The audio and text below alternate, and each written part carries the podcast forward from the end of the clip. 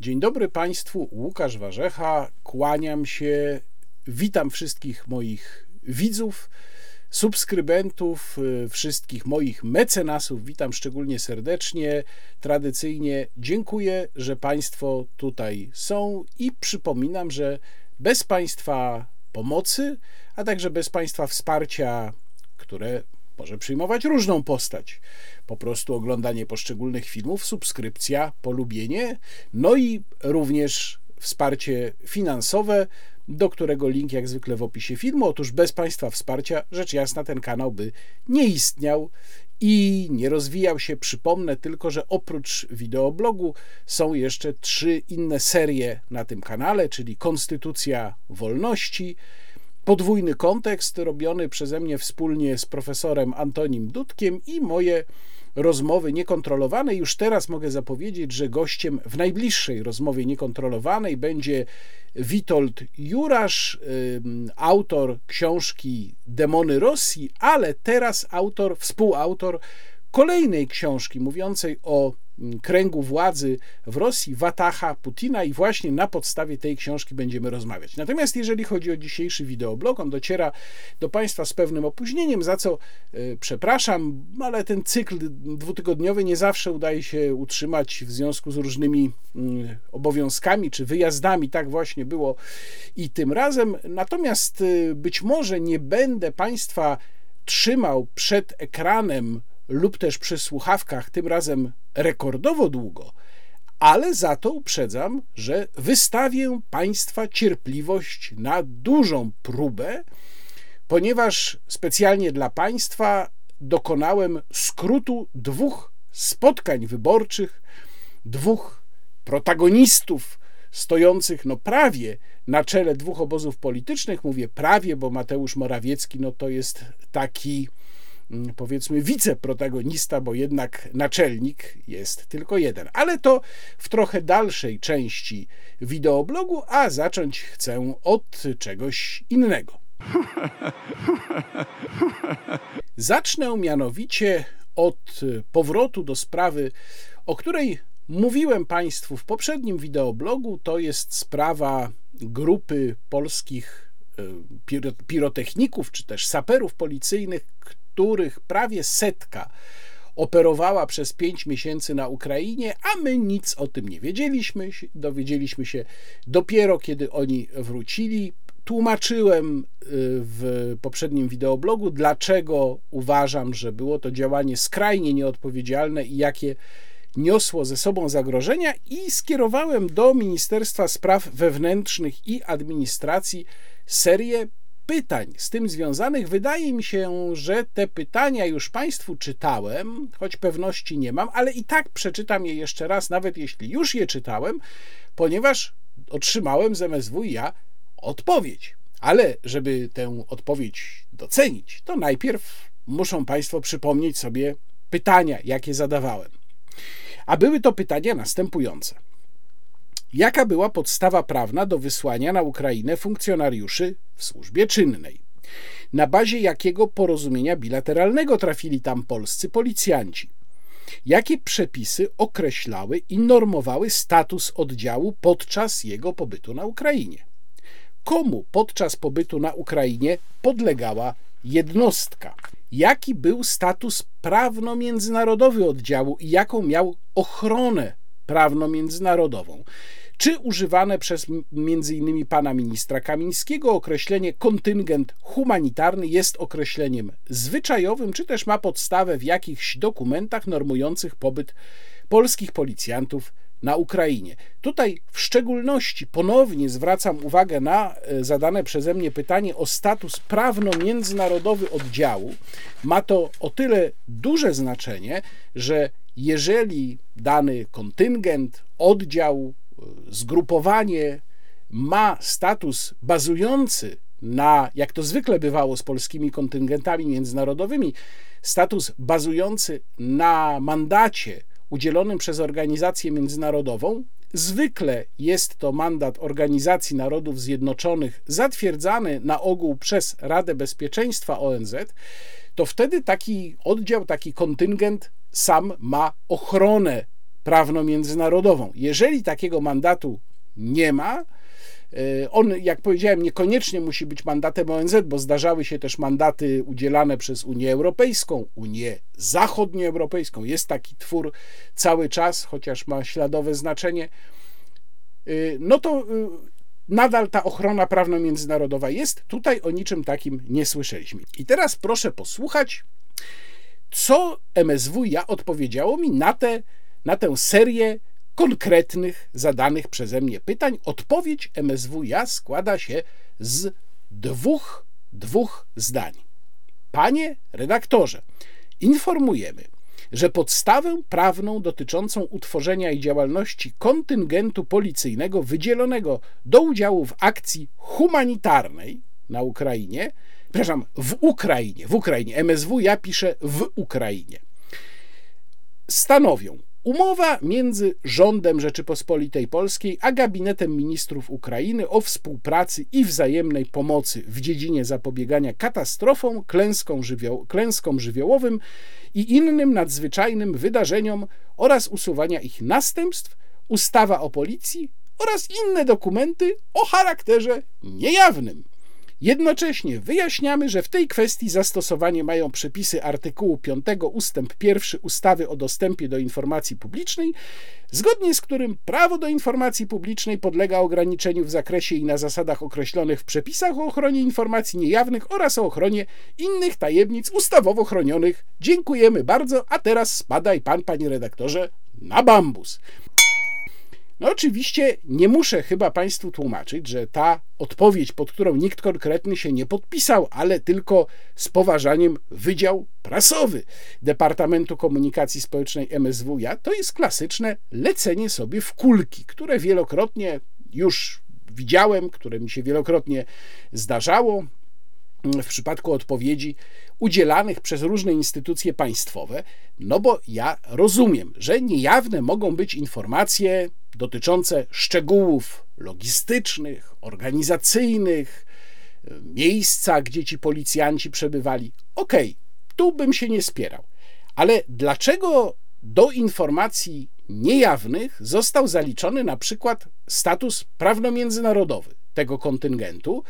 Tego nie rozumiem. To znaczy, ja rozumiem tak naprawdę dlaczego. Dlatego, że ten status był żaden ale Ministerstwo Spraw Wewnętrznych i Administracji nie może tego napisać, bo gdyby to napisało, to wtedy przyznałoby mi rację, że polscy policjanci pojechali tam właściwie prawem kaduka i zostali narażeni przez polskie władze na to, że bez żadnej prawno-międzynarodowej ochrony no, będą, tak jak y, tłumaczyłem poprzednio, na przykład mogą być wzięci do niewoli, bo nic ich nie chroni.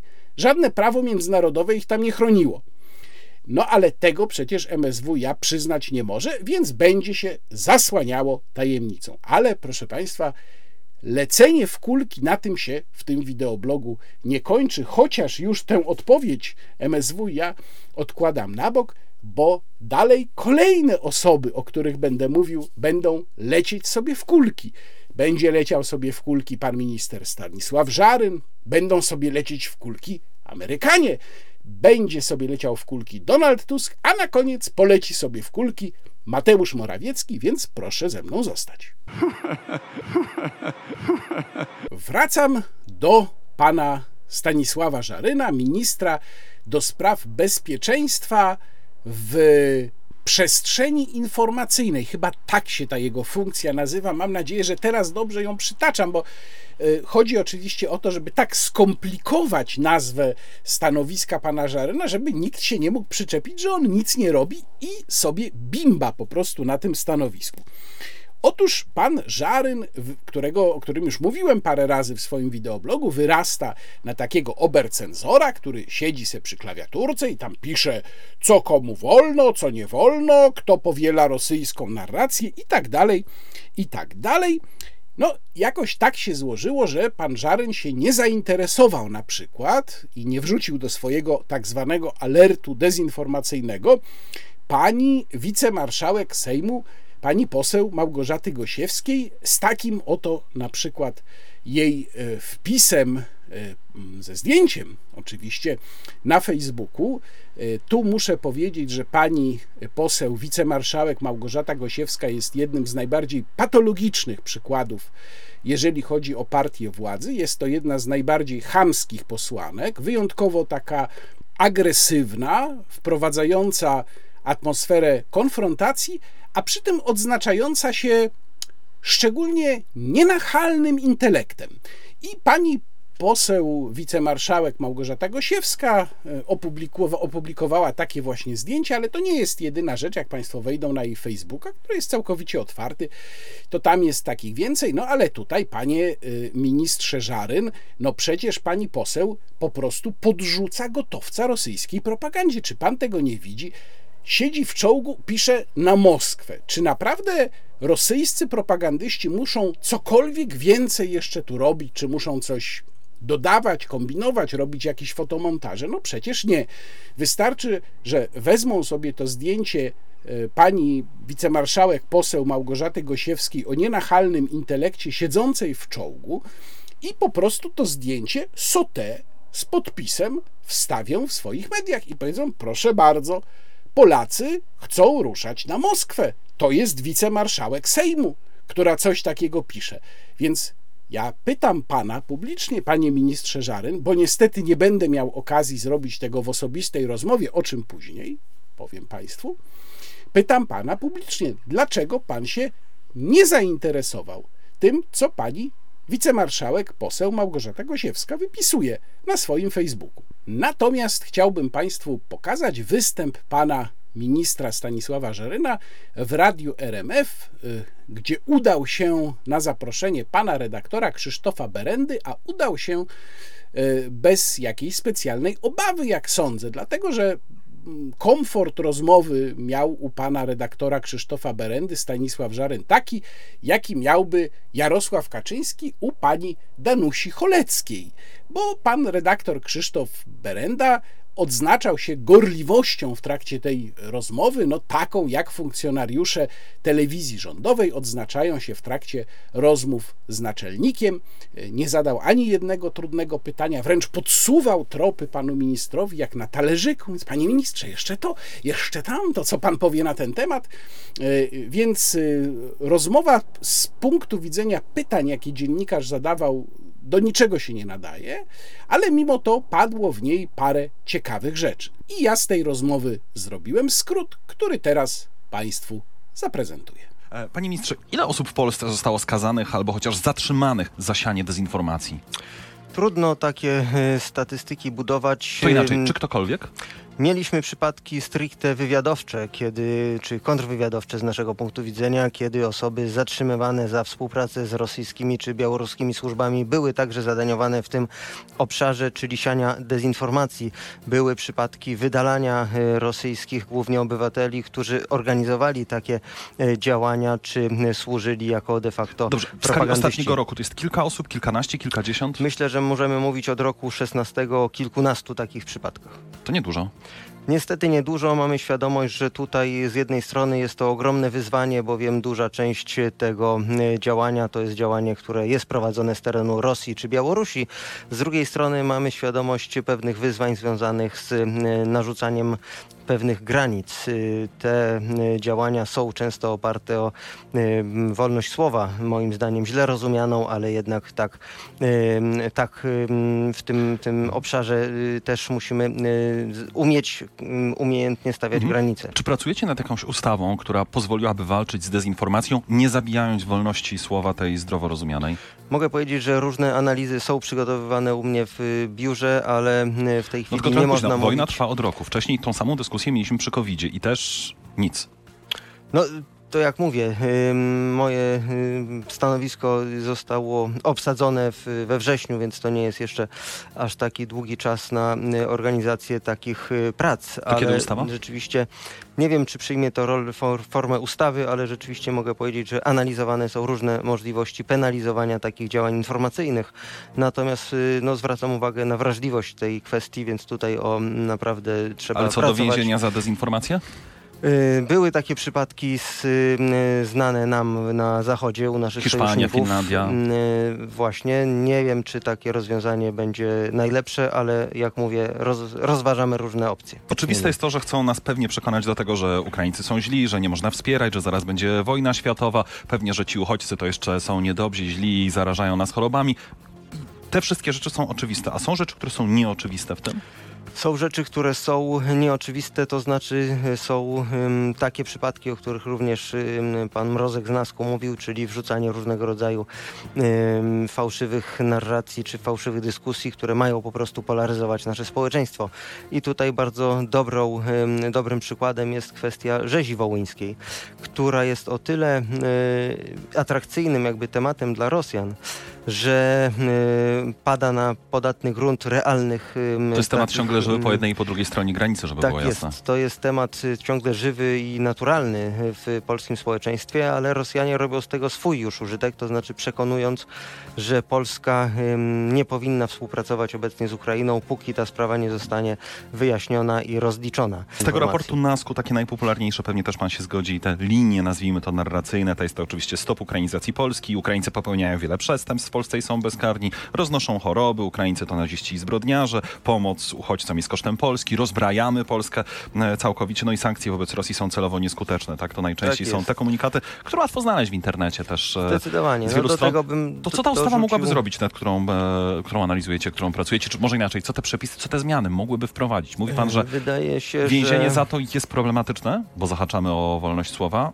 a i ciężko zapłacić Wydaje osobę, się, że jeżeli jakieś przepisy ustawowe ben, byłyby y, wy, wymyślane i opracowane, to y, właśnie w związku z identyfikowaniem ludzi, którzy celowo włączają się w kolportowanie czy wykorzystywanie kłamstwa do tego, żeby wykorzystać je przeciwko państwu polskiemu. Czyli obowiązek dla Twittera, Facebooka i innych platform, żeby na przykład ujawniały dane, maksymalnie dużo danych dotyczących Myślę, tego, kto prowadzi dane konto. Wchodzimy IP w zbyt tak duże szczegóły, których i tutaj nie mam odpowiedzi na takie pytanie. Na zdecydowanie większość ataków na polskie instytucje jest zlecana i kontrolowana przez polskie służby, przez polskie służby, przez polskie służby, bądź też, przepraszam, przez to jest rosyjskie służby. Muszę się tutaj odnieść nie tylko do tego, co mówił pan minister Stanisław Żaryn, ale także do pytań pana redaktora Krzysztofa Berendy. No na przykład.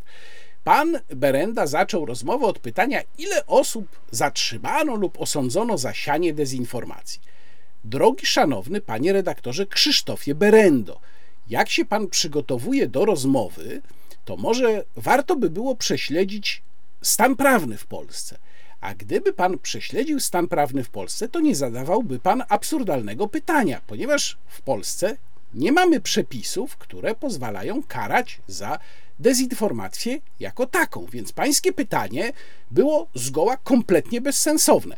Oczywiście pan minister Żaryn nie powiedział tego, co ja teraz państwu mówię, bo przecież to nie byłoby w jego interesie. W jego interesie nie jest powiedzenie obywatelom, drodzy obywatele, no możemy pisać różne rzeczy na Twitterze, ale wsadzić państwa za dezinformację to nie możemy. No więc tam jakoś się wił, że no to było w powiązaniu, że z prawami wywiadowczymi. No oczywiście, że tak, bo jeżeli ktoś pracuje dla obcego wywiadu i przyskrzynia go polski kontrwywiad, no to jasna sprawa, że wtedy akcje dezinformacyjne w obszar jego działalności szpiegowskiej czy jego współpracy z obcym wywiadem mogą wchodzić. To jest jasna sprawa.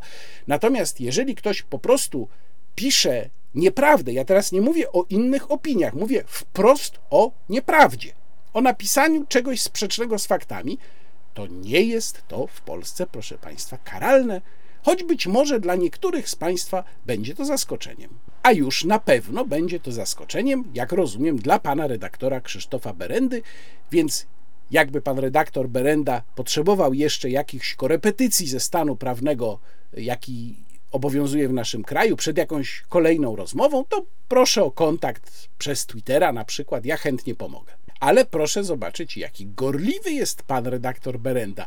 No przecież prawie tak, jakbyśmy mieli przed sobą jednego z braci klęczących, bo mówi w pewnym momencie, że o tym karaniu za dezinformację to też w czasie pandemii tyle się mówiło i nic, proszę państwa, nic. No już wtedy miano wsadzać za dezinformację, ale ku wielkiej rozpaczy pana redaktora Berendy z RMF no nie zaczęto niestety wsadzać za dezinformację, więc może, może teraz się uda. No i rzeczywiście pada takie pytanie, i to jest właśnie ten najgłośniejszy wątek z tego wywiadu, pada takie pytanie, czy będzie karanie za dezinformację. No i tutaj pan Żaren mówi, że tam tak, ze swoim zespołem pracujemy, oczywiście, no może nawet będzie to kara pozbawienia wolności, haha, no zobaczymy, do wakacji projekt powinien być gotowy, tratatata, tratatata, bum tarara, prawda? I zatrzymajmy się na chwilę przy tej sprawie. Najpierw wrócę do tego, co powiedziałem, udzielając korepetycji i wyjaśnień panu redaktorowi Krzysztofowi Berendzie. Otóż w Polsce nie ma w tej chwili kar za publiczne głoszenie nieprawdy.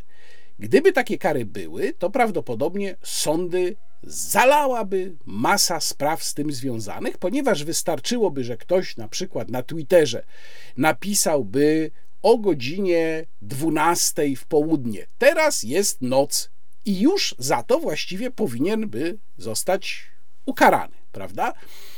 E, mamy pewne szczególne przepisy, i tu zresztą polecam Państwu mój tekst w salonie 24, gdzie o tym wszystkim napisałem. Link, jak zwykle, do tekstów wspominanych w tym odcinku w opisie filmu.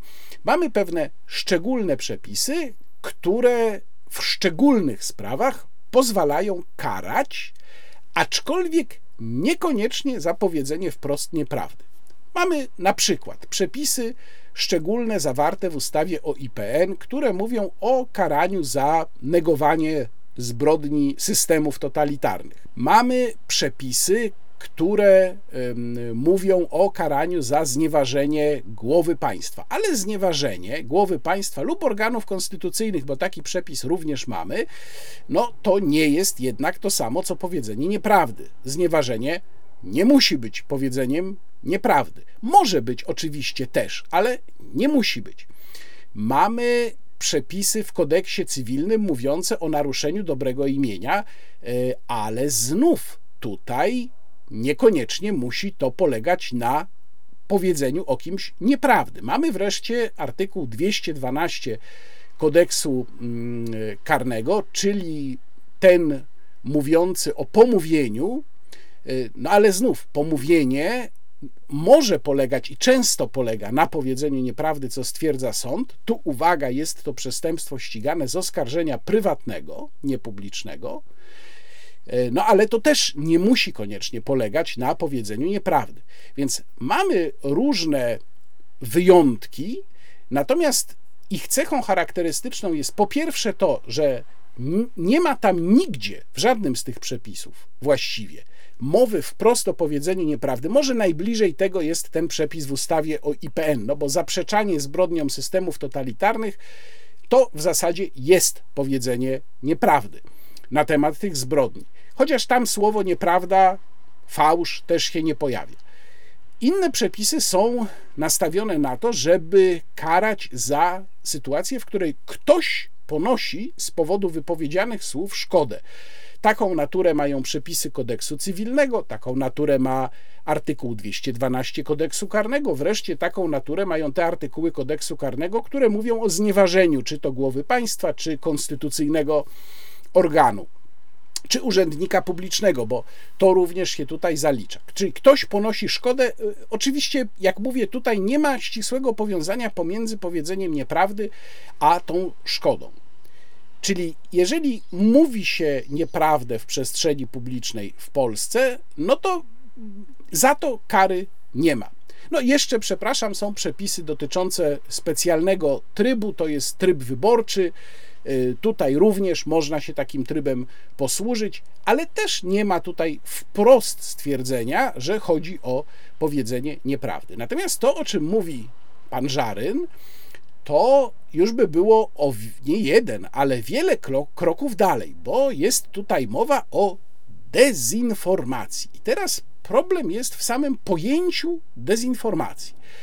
Bo co to właściwie jest dezinformacja? Jak sobie przypomnimy o czym PiS mówiło kilka lat temu, jeszcze w czasie swojej pierwszej kadencji, to już wtedy pojawiły się takie pomysły, żeby karać za fake newsy.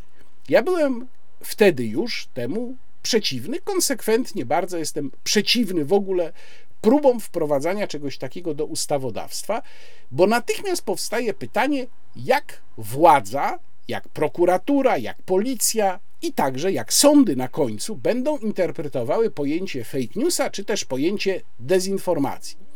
No bo rzecz biorąc ściśle, dezinformacją czy też fake newsem może być tylko coś, co jest wprost stwierdzeniem nieprawdy. W tym przykładzie, który podałem wcześniej, tak by było. Gdyby ktoś na Twitterze napisał y, o godzinie 12 w południe, teraz w Polsce jest noc, byłoby to wprost stwierdzenie nieprawdy. Ale gdyby ten ktoś napisał teraz jest noc, to już nie byłoby wprost stwierdzenie nieprawdy, bo w każdym momencie doby gdzieś na świecie jest noc, czyli jeżeli nie napiszemy, gdzie ona konkretnie jest, to nie mówimy nieprawdy. I to już pokazuje, jak płynna jest ta granica. Oczywiście, można sobie wyobrazić, że to pojęcie byłoby bardzo wąsko interpretowane i rzeczywiście byłoby stosowane tylko do sytuacji, kiedy jest coś, co można traktować w kategoriach fałszu, czyli co jest przeciwieństwem prawdy, w kategoriach prawda, fałsz. Ale nawet wtedy mielibyśmy swego rodzaju cenzurę i to potężną, skutkującą znów zalewem spraw, cenzurę i y, właśnie zalew spraw y, w sądach z tym związanych, bo tak naprawdę bardzo dużo wypowiedzi wygłaszanych również w sferze publicznej można by tak traktować, ale jest dużo gorzej. Jak przyjrzeć się temu, co politycy nazywają fake newsami, albo co sam pan Żaryn nazywa dezinformacją, to są to pojęcia bynajmniej nieograniczane do tej, tego przeciwieństwa prawda-fałsz, czyli to nie są tylko pojęcia stosowane do y, określenia czegoś, co wprost nie jest prawdą, nie jest faktem. One są stosowane do opinii, analiz, przewidywań, ocen, czyli do takich kategorii wypowiedzi, których nie da się traktować w kategorii prawda, fałsz. Tutaj podam pewien zabawny przykład. Otóż, kiedy wskazywałem, że Polska przekazując ogromne ilości własnego uzbrojenia Ukrainie, rozbraja się, to wyskoczył pan y, wiceminister spraw zagranicznych, pan Paweł Jabłoński i stwierdził, że to jest fake news, bo Polska wcale się nie rozbraja, ponieważ Polska zyskuje na tym, że przekazuje swoje uzbrojenie Ukrainie, bo Ukraina walczy za nas tym uzbrojeniem. No i tutaj mamy w ogóle, powiedziałbym, absurd dwustopniowy. Dlatego, że akurat to, co ja powiedziałem, było dokładnie zgodne z prawdą. Jak się oddaje własne uzbrojenie komuś, to się kraj rozbraja. To jest fakt absolutnie bezsprzeczny. Natomiast to, co pan y, minister Jabłoński potraktował jako prawdę, czyli to, co on sam wygłosił, tego nie da się ocenić w kategoriach prawdy lub fałszu, bo to jest opinia na temat skutków tego rozbrajania się.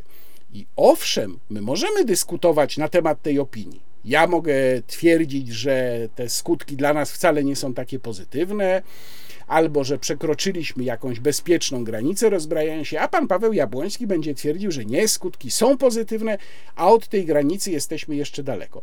Ale to nie jest dyskusja na temat tego, co jest prawdziwe, a co jest nieprawdziwe. To jest dyskusja pomiędzy dwoma punktami widzenia, dwoma różnymi ocenami tego samego faktu.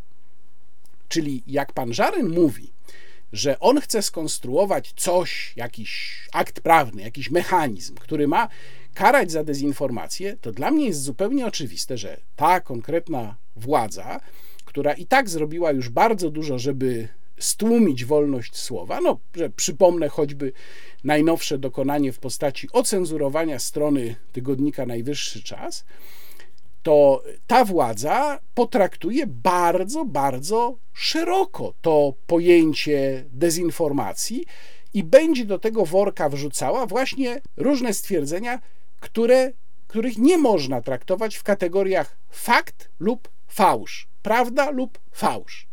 Dlatego właśnie to jest tak niebezpieczne. Dalej tam pada w tej rozmowie takie stwierdzenie, że jedną z metod, które, które stosuje e, rosyjska dezinformacja jest wrzucanie fałszywych narracji, które mają polaryzować społeczeństwo. Czyli rozumiem, że pan Żaryn chciałby, żeby nie było żadnej polaryzacji społeczeństwa, ale żeby wszyscy, e, że tutaj użyje języka naszego wroga ruki paszwam i równym krokiem w jednym kierunku. To jest ten wymarzony świat i wymarzona sytuacja pana Żaryna. E, dalej pan Żaryn przytacza takie stanowisko jako przykład tej rosyjskiej narracji, czy współbrzmiącej z rosyjską propagandą, że Y, dopóki Ukraińcy się nie pokajają za rzeź wołyńską, to my nie mamy z nimi współpracować.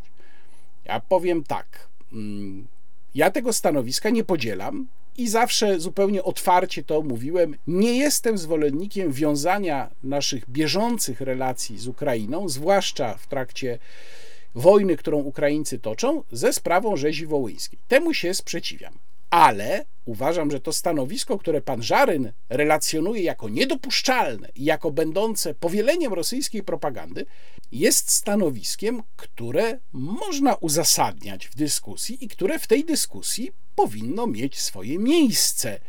Więc już samo to, że pan Żaryn zalicza to do stanowisk współbrzmiących z rosyjską propagandą, a tym samym to piętnuje, a tym samym dyskredytuje ludzi, którzy takiego argumentu używają, czy takie stanowisko prezentują, już to pokazuje, jak niebezpieczna byłaby taka ustawa, którą pan Żaryn, jak rozumiem, no bo to musiałby mieć kształt ustawy, którą pan Żaryn chciałby ewentualnie wprowadzić. Bo to pokazuje do, jakiego, do jakiej urawniłowki w ramach. Um, że znów użyję rosyjskiego słowa, ale ono to akurat bardzo pasuje, urawniłowki w ramach debaty chciałby pan Żaryn doprowadzić. Wreszcie w pewnym momencie tej rozmowy pan Krzysztof Berenda, pan redaktor Berenda, cytuje raport NASK.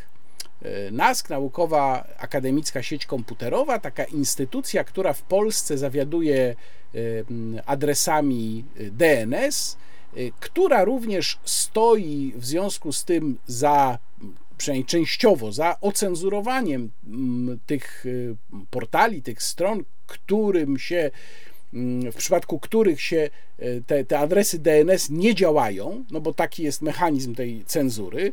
Y, sam NASK jest pod nadzorem pana ministra Janusza Cieszyńskiego z kancelarii premiera, który odpowiada tam za cyfryzację, a który też mógłby konkurować z panem ministrem Żarynem do tytułu ober cenzora w polskim rządzie. Y, I ja szukałem tych raportów, na które powołuje się pan redaktor Berenda i nie znalazłem. Nie ma tych raportów na stronie NASKU. Są różne raporty, one głównie dotyczą jakichś kwestii technicznych, na przykład rejestracji domen internetowych, natomiast tych raportów dotyczących dezinformacji nie ma i wychodzi na to, że one nie są jawne. No przynajmniej tak ja to rozumiem. Skierowałem w tej sprawie do NASK-u pytania, zobaczymy, co NASK mi odpowie. Natomiast te raporty budziły wątpliwości już wcześniej, bo oczywiście one były rozsyłane do jakichś instytucji, te raporty, na które się powołuje pan redaktor Berenda.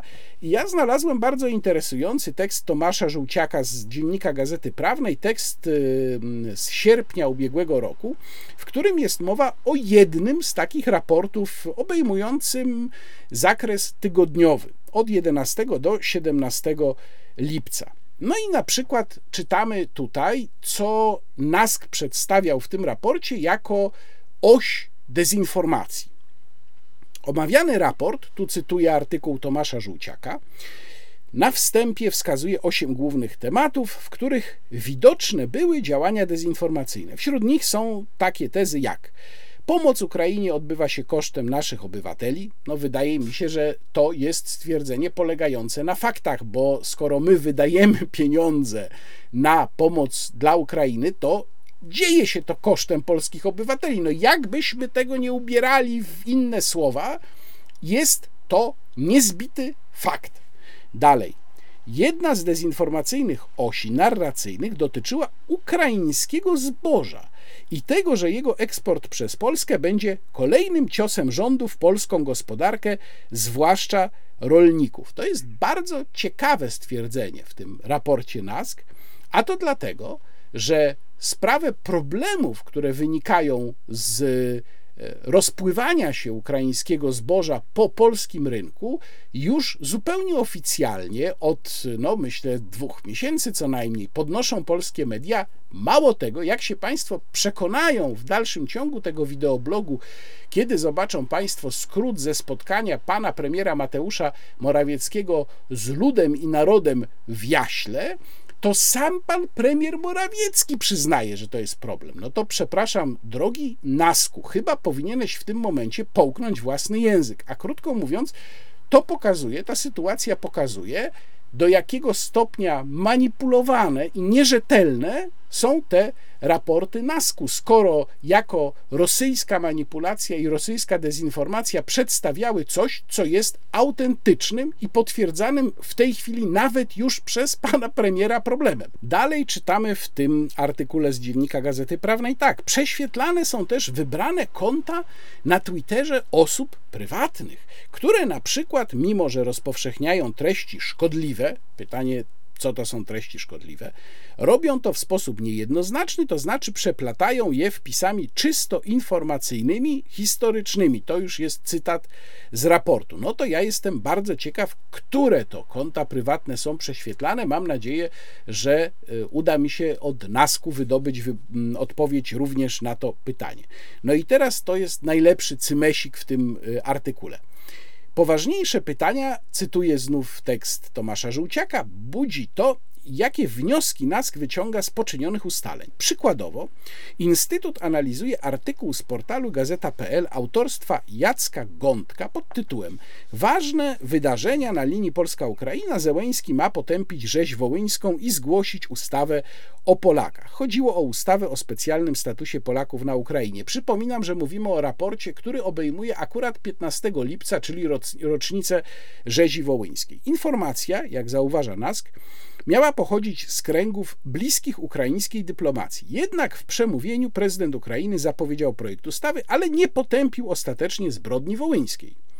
Zdaniem NASK poprzedzające to wystąpienie doniesienia medialne zwiększyły oczekiwania wobec wystąpienia Załęskiego, a gdy przeprosiny nie padły, pojawiła się kolejna fala komentarzy, w których Ukraińców nazywano banderowcami i mordercami.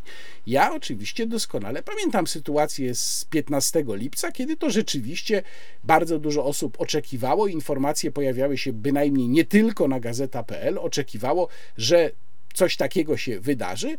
Nic się nie wydarzyło, no i wtedy obrońcy rzekomo rewelacyjnych relacji polsko-ukraińskich, no troszkę jakby zmarkotnieli i zamilkli pod wieczór tamtego dnia.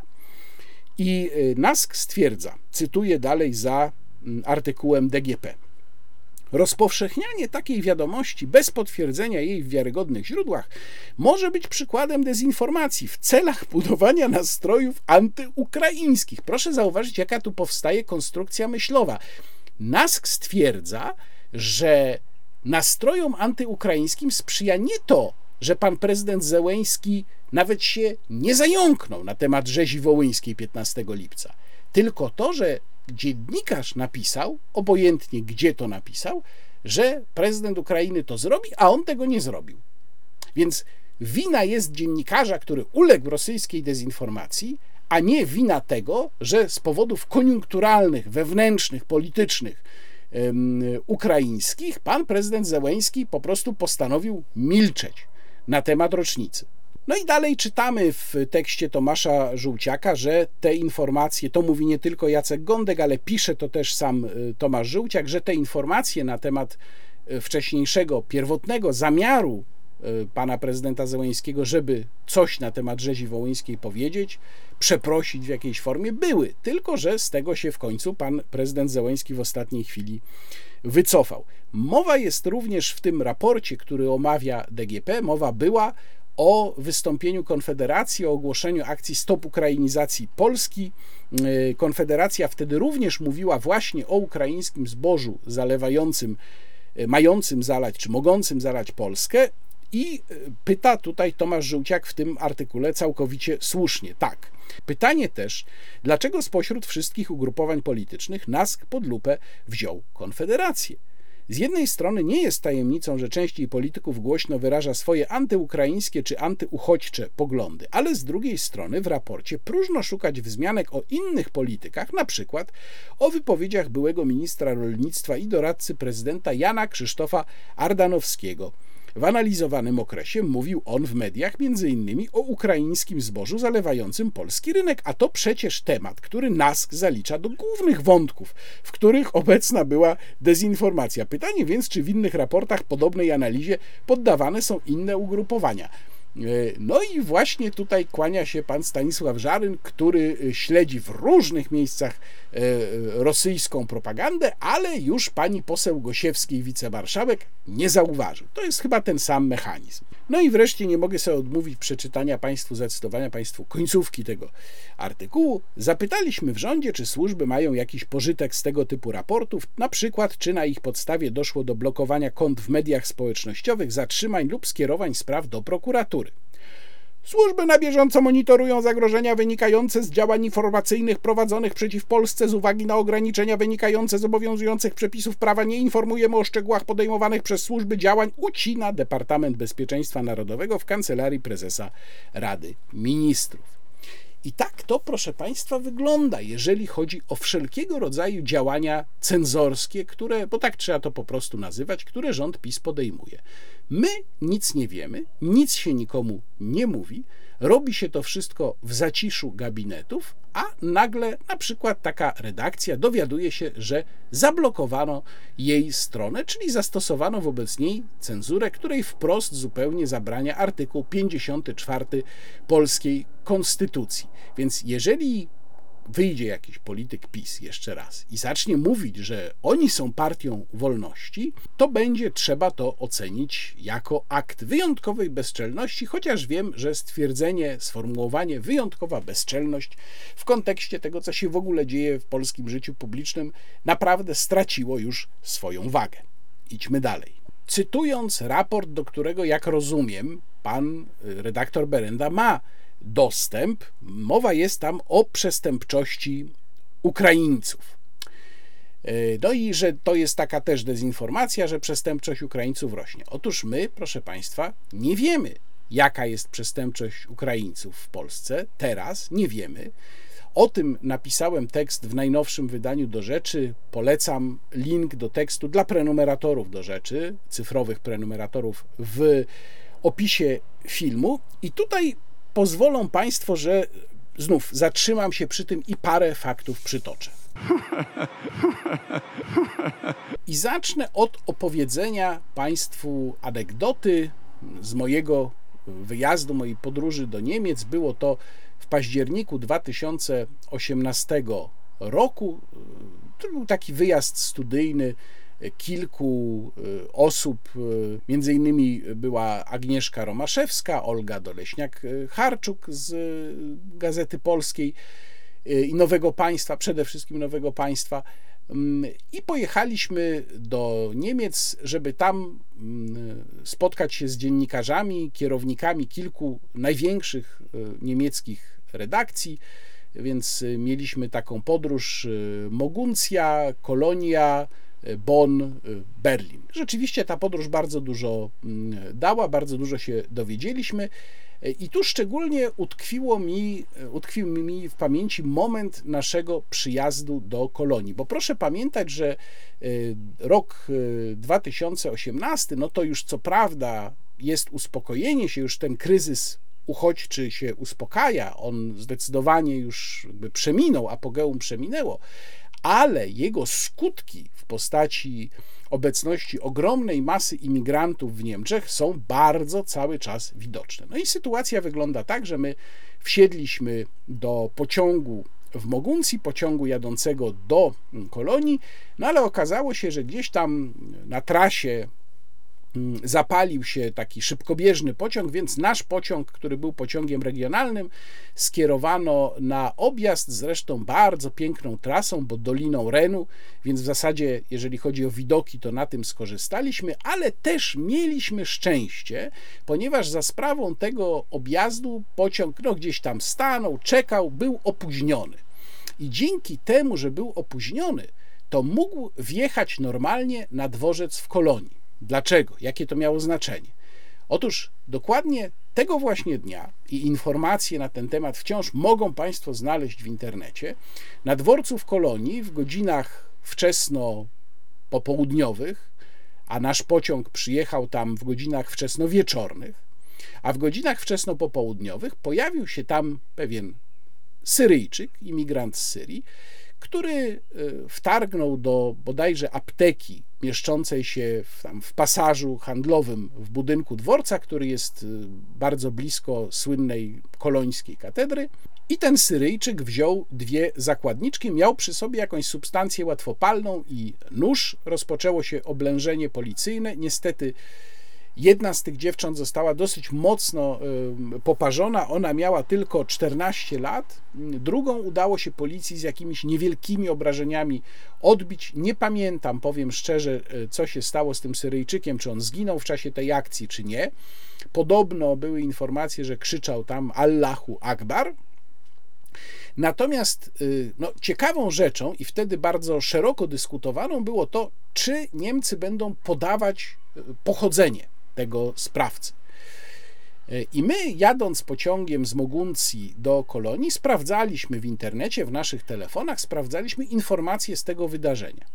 No i dowcip polegał na tym, że polskie media wcześniej niż media niemieckie podały te informacje, że to imigrant z Syrii. I to media nie tylko kojarzone z prawą stroną, w ogóle różne polskie media podały te informacje. Ale media niemieckie też ją podały, tylko z pewnym opóźnieniem, trochę później.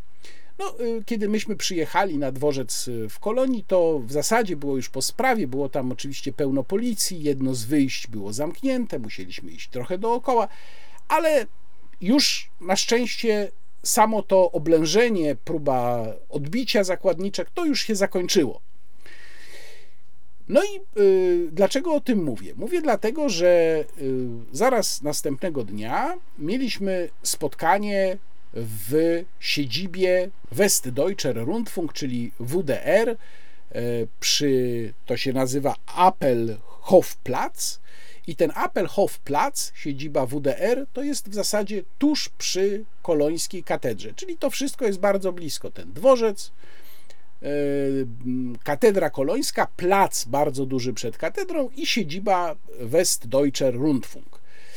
Mieliśmy to spotkanie i tematem, który w naturalny sposób na tym spotkaniu wypłynął, były wydarzenia właściwie nawet nie z poprzedniego dnia, ale sprzed trzech lat, czyli z 2015 roku, a konkretnie z Sylwestra w 2015 roku, kiedy to, być może Państwo to jeszcze pamiętają, doszło do serii napastowań seksualnych, a nawet gwałtów podczas zabawy sylwestrowej, między innymi właśnie przed katedrą w Kolonii, ale w całych Niemczech wtedy zarejestrowano podobno nawet tysiąc takich zdarzeń. No i w zdecydowanej większości z nich napastnikami byli imigranci.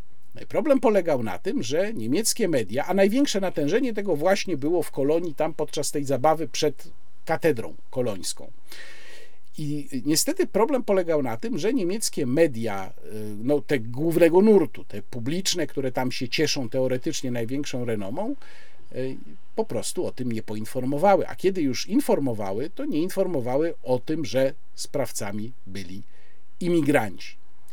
I myśmy o to zapytali podczas y, wizyty w WDR. No, widać było, że pytanie jest niewygodne ale odpowiedź dostaliśmy chyba szczerą. To znaczy, ci, dzienni ci dziennikarze powiedzieli nam tak: no tak, my oczywiście mieliśmy tutaj swoje zasady przed 2015 rokiem i wychodziliśmy z założenia, że będziemy informować o pochodzeniu sprawców różnego rodzaju czynów zabronionych, przestępstw, tylko wtedy, jak będziemy mogli na 100% stwierdzić i potwierdzi nam to policja, najlepiej policja i prokuratura, że ta narodowość, pochodzenie miały jakikolwiek związek z przestępstwem, które zostało popełnione. Bo jeśli nie, to my nie będziemy informować, bo my nie chcemy wywoływać napięć. No ale przyznawał nasz rozmówca w WDR, czy rozmówczyni raczej, rzeczywiście zauważyliśmy, że zwłaszcza po tych wydarzeniach w Sylwestra 2015 roku, zaufanie Niemców do dużych publicznych mediów bardzo zostało podważone z powodu właśnie tego naszego postępowania. Więc no my trochę mówili nam, te reguły modyfikujemy, trochę inaczej działamy, jednak raczej będziemy informować o tym pochodzeniu sprawców. No i stąd prawdopodobnie w przypadku tego y, zamachu na dworcu w Kolonii, bo to trzeba tak nazwać zamachem, rodzajem zamachu, jednak niemieckie media rzeczywiście dosyć szybko poinformowały, że tam sprawcą był imigrant z Syrii. No i teraz dlaczego ja Państwu to wszystko opowiadam? Ano opowiadam to Państwu dlatego, że jak się okazuje, tę metodę, która wtedy była w czambu potępiana przez PiS oczywiście. I PiS tam grzmiał, że to jest przykład pogwałcania wolności słowa. Patrzcie, jak ci Niemcy tutaj maskują sytuacje, które są dla nich niewygodne. Najpierw popuszczali tych imigrantów, a teraz nie będą mówić o tym, że imigranci popełniają przestępstwa. No i teraz, proszę Państwa, co się dzieje? Mamy rok 2023, w Polsce jest dużo uchodźców z Ukrainy, no i wypadałoby, ja to mówię bez żadnej tezy ani uprzedzenia, wypadałoby sprawdzić, jaki to ma wpływ na przestępczość. Szczególnie, że dane, które mieliśmy mm, wcześniej, no jednak mogłyby stanowić mm, pewien punkt zaczepienia. A jakie to były dane? Otóż wtedy, kiedy jeszcze te dane podawano, mm, Rzeczpospolita pisała w 2018 roku, w marcu, że w roku 2017 o niemal 40% wzrosła liczba przestępstw popełnianych przez cudzoziemców. E, informowała również Rzeczpospolita, że w ciągu dwóch lat, czyli 2015-17, liczba tych przestępstw popełnianych przez cudzoziemców w Polsce wzrosła o prawie 80%. To było mm, w 2017 roku 6264 mm, takie zdarzenia. Głównie były to przestępstwa narkotykowe lub kradzieże, a najczęściej popełniającymi je sprawcami byli Ukraińcy. I to było ponad 50%, przy czym zdecydowana większość popełnianych przez Ukraińców przestępstw to były y, przestępstwa drogowe, związane po prostu z jazdą po alkoholu, czy też po środkach odurzających. No tutaj trzeba też y, przyznać gwoli sprawiedliwości, że nie ma pewności, czy w przypadku takich przestępstw mówiliśmy o Ukraińcach mieszkających w Polsce, czy tylko na przykład o zawodowych kierowcach przejeżdżających przez Polskę, bo takich danych już policja nie podaje.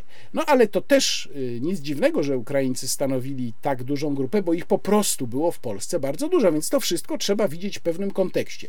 Jak mówię, ja nie jestem tutaj absolutnie uprzedzony, natomiast uważam, że chowanie takich zjawisk pod korcem, zmiatanie ich pod dywan, e, próba zamilczenia zawsze przynosi efekty odwrotne od zamierzonych. I dokładnie właśnie o tym mówili nam ci niemieccy dziennikarze w kolonii w 2018 roku, 5 lat temu, tłumacząc, dlaczego oni jednak zaczęli modyfikować swoje postępowanie.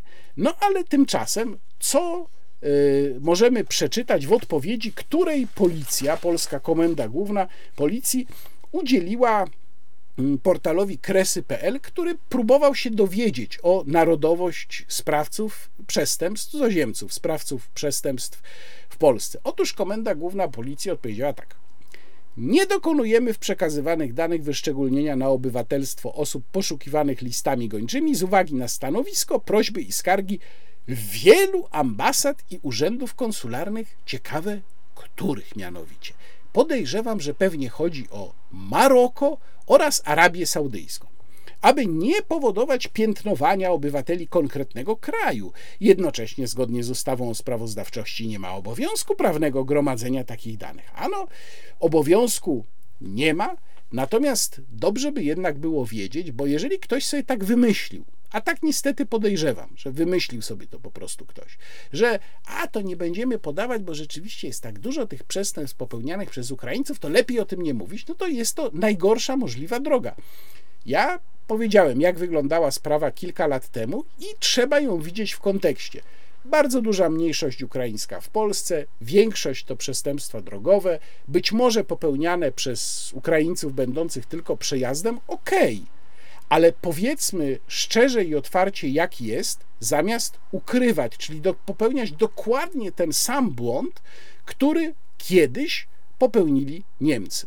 No i wracam do tej nieszczęsnej rozmowy z panem ministrem Żarynem, bo to wszystko to był pewien rodzaj długiej, długiej dygresji, no ale trzeba to było powiedzieć. Dalej tam jako przykłady tej rosyjskiej narracji czy, czy basowania rosyjskiej propagandzie mamy, że rozbrajamy Polskę, no ale to jest fakt, rozbrajamy Polskę. Możemy dyskutować o tym, czy to jest dla nas korzystne, czy nie, ale faktem jest, że rozbrajamy. Sankcje wobec Rosji są nieskuteczne. To też ma być teza mm, zgodna z, z rosyjską narracją czy propagandą, tylko że to jest temat i problem, który jest dyskutowany we wszystkich poważnych publikacjach i raportach na Zachodzie.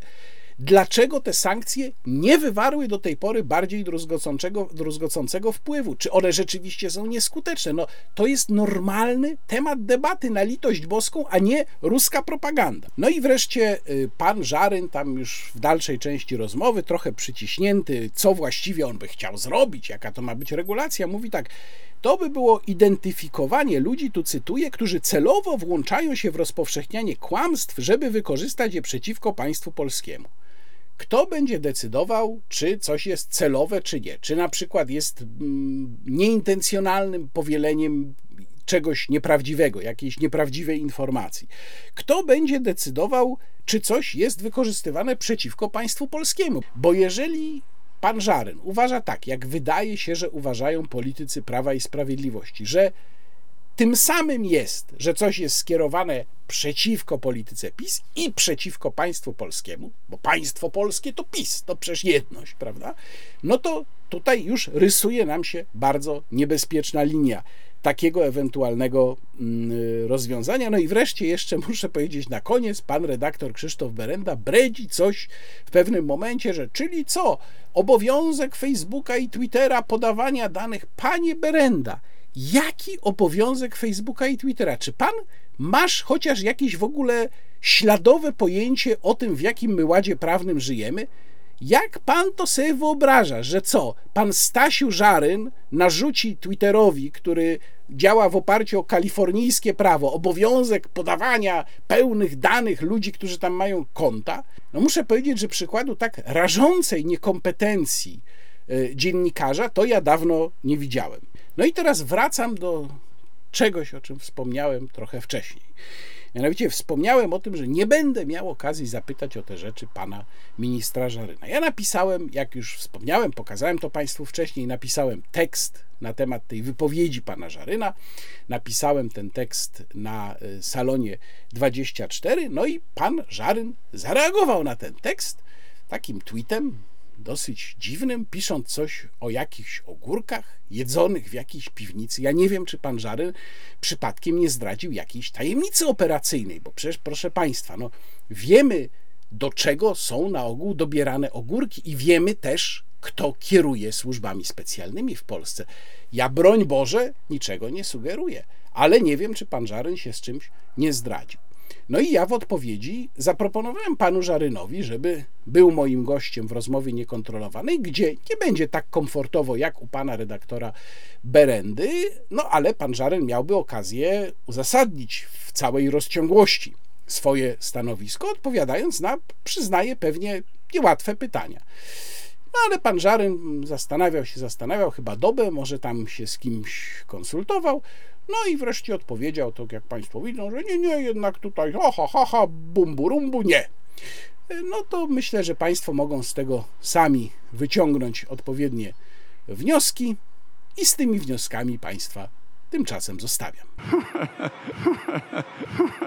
Teraz wracam do tematu, o którym mówiłem również w jednym z ostatnich wideoblogów, a wracam z obowiązku, bo takie tematy, takich tematów trzeba pilnować. Chodzi tutaj o informacje na temat tego, kto wysadził Nord Stream. Wtedy mm, przytaczałem Państwu artykuł umieszczony na Substaku, artykuł Seymoura Hersha, nagradzanego wielokrotnie amerykańskiego dziennikarza śledczego, który postawił tezę, że y, i oparł ją na informacjach uzyskanych przez siebie, że trzy nitki Nord Streamu wysadzili Amerykanie wspólnie z Norwegami w ramach y, tajnej operacji służb specjalnych. No, to było bardzo ryzykowne dla Amerykanów, jeżeli było prawdą, bo oznaczało tak naprawdę no, agresję wobec sojusznika w NATO, bo przecież y, jednak rurociąg jest co prawda własnością teoretycznie prywatną, no ale tak naprawdę państwa niemieckiego i rosyjskiego, więc nic dziwnego, że Amerykanie natychmiast zaczęli zaprzeczać i jakby w reakcji na tamten tekst Seymoura Hersha pojawiły się teraz mm, nowe informacje, które jednocześnie zostały opublikowane w New York Timesie, a także w ramach takiego wspólnego mm, śledztwa dziennikarskiego Die Zeit, e, ARD, SWR to jest nie, nie, nie, jest, nie chodzi o służbę wniesznej rozwiedki rosyjską, tylko o Südwestrundfunk, czyli niemiecką rozgłośnię. E, I wszystkie te informacje, wszystkie te rewelacje opierają się na jakichś przeciekach, podobno z kręgów wywiadowczych amerykańskich. No i już samo to jest bardzo ciekawe, że w mniej więcej chyba trzy tygodnie po publikacji tego artykułu Hersza nagle jakiś przeciek z amerykańskich służb mówi o tym, że gdzieś kompletnie indziej znajdują się sprawcy, a mianowicie mówi o sprawcach ukraińskich lub sprzyjających Ukrainie. Bo co takiego, opieram się tutaj na um, artykule w Die Zeit, co takiego mianowicie ustalono? Mianowicie pojawia się wątek polski, bo do ataku miał posłużyć jacht wynajęty przez spółkę z siedzibą w Polsce, będącą własnością Ukraińców. Zespół miał liczyć sześć osób, w tym jedną kobietę i dwóch nurków. E, no i według Die Zeit nie ma żadnych przesłanek, żeby sądzić, że była to operacja pod fałszywą flagą, czyli że ktoś udawał Ukraińców po to, żeby na nich następnie zrzucić winę. E, ja muszę powiedzieć, że przeczytałem, to są w ogóle te, ten tekst Die Zeit jest dużo krótszy oczywiście niż tekst y, Seymoura Hersha. Ja przeczytałem y, mm, o tej wersji wydarzeń, no jednak z dużym niedowierzaniem. Rzecz jasna, my nie wiemy, jak było naprawdę. Nie wiemy, czy Seymour Hersh y, w 100% pisze prawdę, czy źródło nie wprowadziło go w błąd. Natomiast y, wyobrażenie, że tak skomplikowaną technicznie operację, bo to jest przecież niesamowicie skomplikowane, wysadzenie trzech nitek gazociągu biegnącego głęboko pod powierzchnią Morza Bałtyckiego, to jest bardzo skomplikowana technicznie, logistycznie operacja, że miałaby tego dokonać jakaś sześcioosobowa grupa operująca z wynajętego jachtu, w której byłoby dwóch nurków zaledwie, no to wydaje mi się naprawdę bajką z mchu i paproci. I ja, prawdę mówiąc, te najnowsze rewelacje odbieram jako dosyć desperacką próbę odwrócenia uwagi od amerykańskich sprawców. Ale właśnie, co ciekawe, przy okazji tę winę zwala się na Ukraińców, przy czym no tak nie wprost na Kijów, bo tam w tych e, informacjach pojawia się też taka wersja, że to właściwie nie musiało chodzić o grupę ukraińską, tylko o grupę sprzyjającą Ukrainie, złożoną z Ukraińców, jakąś tajną organizację. Dziwnie to wszystko brzmi. Natomiast ja to również odczytuję nie tylko w kontekście próby oddalenia tych zarzutów, które postawił Hersz w swoim tekście, ale również trochę jako sygnał rosnących nieporozumień, choć bardzo, bardzo rzeczywiście dobrze ukrywanych, ale rosnących nieporozumień pomiędzy Kijowem a Waszyngtonem, biorących się po prostu z tego, że oczekiwania Kijowa znacznie przewyższają to, co mogą i chcą dać Stany Zjednoczone. Czy moja teoria jest słuszna? Zobaczymy, jak sądzę, już w ciągu kilku miesięcy.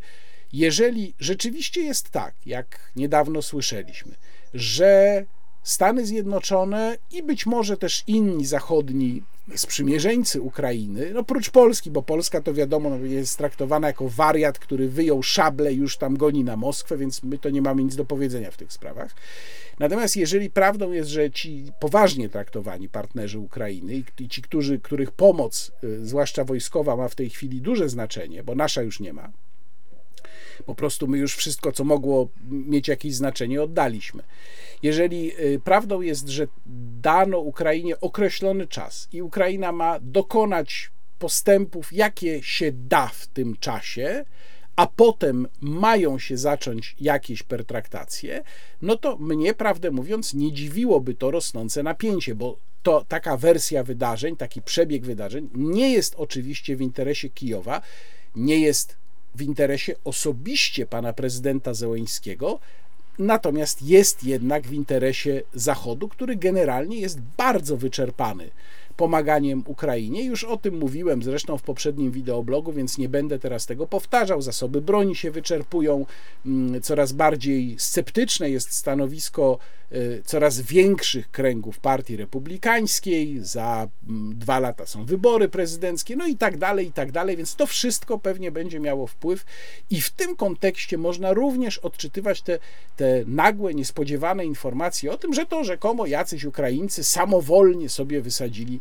te trzy nitki gazociągu Nord Stream. E, z tych scenariuszy, które się pojawiały, pojawiają między innymi Politico e, omówiło w, w, informacji na temat tych najnowszych rewelacji, omówiło wszystkie pojawiające się do tej pory scenariusze.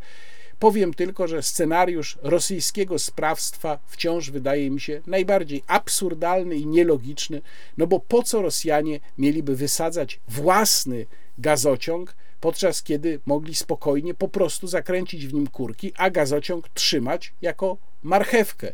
Byłoby to moim zdaniem znacznie skuteczniejsze niż wysadzanie go, szczególnie że Niemcy, to jest przecież niezbity fakt, byli i nadal w gruncie rzeczy są mm, uzależnieni od rosyjskich surowców, od rosyjskiego gazu, którego nie są jeszcze w stanie w pełni zastąpić, ale też pamiętajmy, że Niemcy są silnym państwem, znacznie zasobniejszym niż Polska. E, no i Niemcy sobie dostawy gazu e, dość skutecznie już zdołali zorganizować. Teraz przechodzę, proszę Państwa, do tego, co będzie dla Państwa najbardziej wyczerpujące, ale nie mam wyrzutów sumienia, bo ja musiałem też tego wysłuchać i to w dużo większej porcji niż Państwo. Musiałem posłuchać tej demagogii, którą za chwilę Państwu zaprezentuję w postaci skrótu z wystąpień Donalda Tuska, przewodniczącego Platformy Obywatelskiej, a następnie Mateusza Morawieckiego, mm, pana premiera Gierka 2.0. I powiem tylko tak: poziom demagogii który prezentują obaj ci politycy, ale oczywiście nie tylko oni, bo to w zasadzie jest już w tej chwili tendencja powszechna, jest tak druzgocący i porażający, że mnie trudno sobie wyobrazić przebieg dalszy kampanii wyborczej i te kolejne miesiące. Proszę pomyśleć, że do wyborów jest jeszcze ponad pół roku. My mamy dopiero połowę marca a stężenie demagogii w powietrzu jest już tak nieprawdopodobnie wielkie i wysokie, że dusi i przyprawia o mdłości. Więc jak ja sam i być może ci z Państwa, moi szanowni widzowie, moi czytelnicy, którzy szanują chociaż trochę swoją inteligencję, jak my wytrzymamy jeszcze te pół roku, a proszę pamiętać, że Państwo to mogą się odciąć, ewentualnie mogą Państwo oglądać mój wideoblog, w którym pewnie takie skróty co jakiś czas będę Państwu prezentował, najciekawsze fragmenty różnych wywiadów, rozmów, wystąpień, ale ja to muszę prawie w całości oglądać. Więc bardzo proszę to docenić i chociaż trochę mnie pożałować. A teraz y, zaprezentuję Państwu skrót wystąpienia y, Donalda Tuska, spotkania głośnego z powodu jednego z oświadczeń, które Tusk tam wygłosił, spotkania y, z narodem, w Pabianicach. To co prawda było dwa tygodnie temu, ale myślę, że warto, bo też to spotkanie jest reprezentatywne dla tego, co Tusk robi, jak co mówi, y, w jaki sposób mówi. Jeżeli chodzi o formę tego spotkania, to tu się nic nie zmieniło, to znaczy nadal to wygląda tak, jak zawsze wyglądało w przypadku Tuska. Tusk na środku, y, ludzie dookoła. Y, natomiast oczywiście w stosunku do tych pierwszych wystąpień Tuska sporo się zmieniło, bo wtedy jeszcze kierunek nie był taki określony. Jak Państwo spojrzą do moich dawniejszych wideoblogów, tych e, powiedzmy sprzed roku, to tam Tusk się jeszcze tak jakby wahał, w którą stronę iść. No teraz wyraźnie ten kierunek jest mocno na lewo. Proszę zresztą posłuchać, zobaczyć samemu. To jest szczególnie przygnębiające, kiedy szczególnie młodzi ludzie, którzy chcą zacząć swoje dorosłe życie i chcieliby je zacząć z nadzieją na to swoje mieszkanie a dowiadują się, że to mieszkanie to dla nich ma być marzenie, które być może zrealizuje się za 5, 10 czy 15 lat, ale dla tych, którzy są u władzy, to to nie jest nierealne marzenie. Dzisiaj też dotarła do nas informacja, czy wczoraj, o tym, że y, przez ostatni rok Orlen kupował kupował y, ropę w Rosji.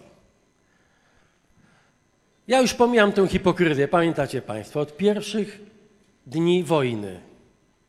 Rząd PiSu mówił, że jest za sankcjami, że Polska i rząd Morawieckiego będzie najostrzej przestrzegającym kwestię sankcji rządem w Europie.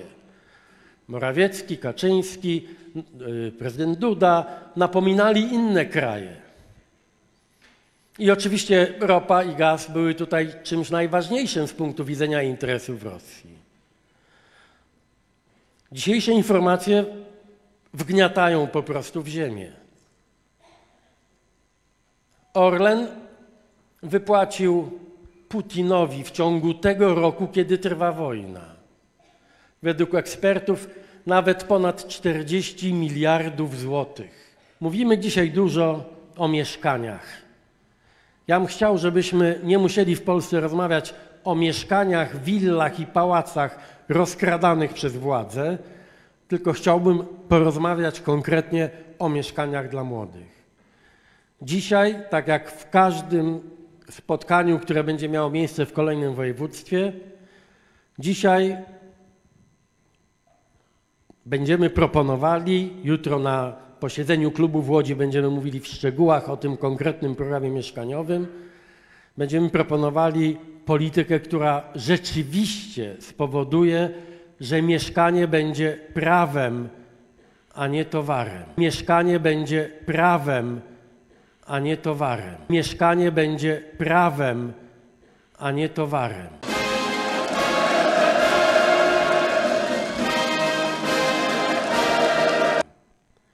Niektórzy mówią, że to jest lewicowe hasło. Nie, to nie ma nic wspólnego z żadną ideologią. To jest elementarna przyzwoitość. Ludzie mają prawo do mieszkania. Nikt nie ma zamiaru za darmo rozdawać mieszkań. Ale uczciwa władza musi uznać, że każda polska rodzina ma prawo do mieszkania. Będziemy proponowali kredyt 0%. Kredyt 0%. Kredyt 0%. Dla ludzi, którzy będą kupowali swoje pierwsze mieszkanie. Będzie to dotyczyło ludzi młodych i powiedzmy średnim wieku, do 45 roku życia. Wprowadzenie kredytu 0%, a więc nie płacimy od, to nie, nie, bank nie będzie zarabiał na odsetkach, na, waszym, na waszych chudych portfelach. Mówię o tych wszystkich, którzy wydadzą swoje pieniądze na taki kredyt, na to swoje marzenie o mieszkaniu. Jeśli wprowadzimy, jeśli wygramy i wprowadzimy ten program kredyt 0%, to nie będzie się płaciło te 4100, 4200 za to wymarzone mieszkanie 60-metrowe, 65-metrowe, tylko mniej więcej 1700 zł miesięcznie i będzie to spłata kapitału. A więc nie tych niekończących się odsetek, tylko będzie malał po prostu realnie dług wobec, wobec banku. Będziemy także proponowali dopłatę skromną, ale jednak pomagającą ludziom do najmu 600 zł. Ja też nie mam wątpliwości, choćby po spotkaniu dzisiaj w Wąwale pod Tomaszowem, że biorąc pod uwagę to, co się dzieje dzisiaj w branży budowlanej, że to jest także sposób na to, żeby uratować tę branżę. Ona jest naprawdę zagrożona bardzo serio. Głęboko wierzę w to, że ten przemyślany mechanizm, ten przemyślany projekt przyniesie same korzyści z punktu widzenia młodego polskiego małżeństwa, z punktu widzenia branży. Yy, będziemy także, przygotowaliśmy mechanizm, który spowoduje, że banki nie będą jakoś szczególnie zagrożone. Nie, nie, nie, nie grozi nam w związku z tym jakiś kryzys systemu, systemu bankowego. Ja mam tysiąc poważnych powodów, nie osobistych. Zupełnie nie chodzi mi o moje osobiste powody. Tysiąc poważnych publicznych powodów, żeby wspierać się, konfrontować, walczyć z pisem i tak moim marzeniem, moją pasją. Jestem gotów wszystko za to poświęcić. To po to, żeby odsunąć złą władzę, bo wiem, że od tego zależy właśnie ta przyszłość, która w Pabianicach, czy w Łasku, czy w Tomaszowie, czy w Kutnie może wyglądać dużo lepiej.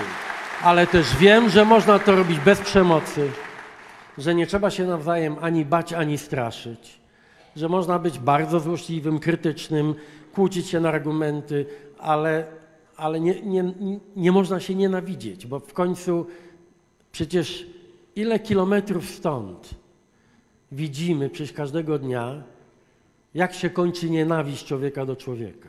Ale nigdy nie widziałem w oczach ludzi, którym chodzi o polską demokrację, o, o, o prawo, praworządność, prawa kobiet, nie widziałem nienawiści w oczach.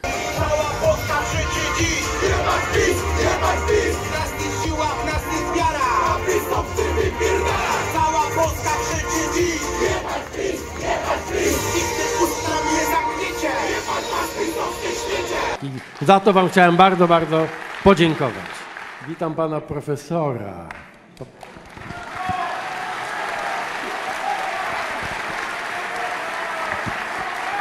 Nienawiść, mówię, zalewa mu mózg. Ćwok, ćwok. Po prostu ten chamski rechot, hołota. Obrzydliwie załgany Ziobro niż hipokryta zakłamany do szpiku kości Kaczyński. Amant od siedmiu boleści się znalazł. Jest to po prostu nikczemny dureń. Karmy moralne. Taką decyzję w zasadzie no, podejmują moralne karmy. Ci dwaj, których nawet nazwisk nie chcę wymieniać, nazwiska nawet powinny być zapomniane. Się dziwię, że panowie zapraszają tych ludzi. Wczoraj jakiegoś durnia zaprosiliście, który powiedział, nie wiem jak się nazywa, jakiś Bulc czy Buc. Skompromitowali, tak kłamią, tak bredzą. No i tutaj tylko kilka komentarzy krótkich do tego, co Donald Tusk mówił. Pierwsza sprawa, Tusk oburzony bardzo tym, że Orlen kupował ropę w Rosji. Myślę, że warto to oburzenie odnotować, bo y, opozycja, największa partia opozycyjna, zarówno w czasie y, pandemii, jak i teraz w czasie wojny na Ukrainie pełni fatalną rolę takiego podżegacza. To znaczy, trwa ona, zmusza PiS do mm, pewnego wyścigu. Oczywiście to nie rozgrzesza Prawa i Sprawiedliwości, ale proszę sobie przypomnieć, jak to było.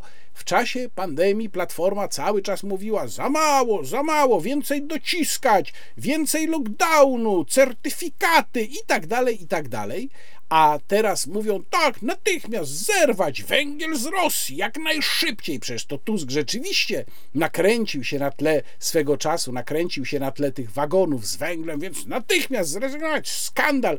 Więc to jest taki absurdalny wyścig, w którym y, Platforma tam jeszcze podszczuwa Prawo i Sprawiedliwość, żeby bardziej, głupiej, mocniej więc tutaj naprawdę obie strony są winne, no choć bardziej to przyznaję, winna jest ta strona, która rządzi, która realnie ma władzę w rękach. No i teraz najważniejsza sprawa, czyli to wystąpienie, oświadczenie Tuska, że mieszkanie prawem, nie towarem, zrobimy kredyt 0%. No tu Tusk o dwa punkty procentowe przebił PiS, bo PiS ma swój program, który chce wdrażać, czyli kredyt 2%, a Tusk kredyt 0%.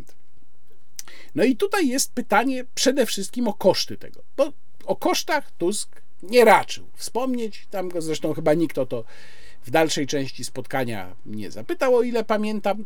No ale coś możemy na ten temat powiedzieć. Jeżeli koszt programu, który proponuje Prawo i Sprawiedliwość, to ma być 13 miliardów złotych rocznie, a to jest kredyt 2%. No bo przecież miejmy świadomość tego, że żaden bank nie udzieli kredytu oprocentowanego poniżej normalnej rynkowej stawki, jeżeli nie dostanie za to rekompensaty. To znaczy, ja rozumiem, że my tutaj mówimy, Tusk tutaj mówi o systemie, bo tam wspomniał, że y, banki nie będą poszkodowane. No czyli jak nie będą poszkodowane, to znaczy, że po prostu państwo im dopłaci do tego kredytu, tak?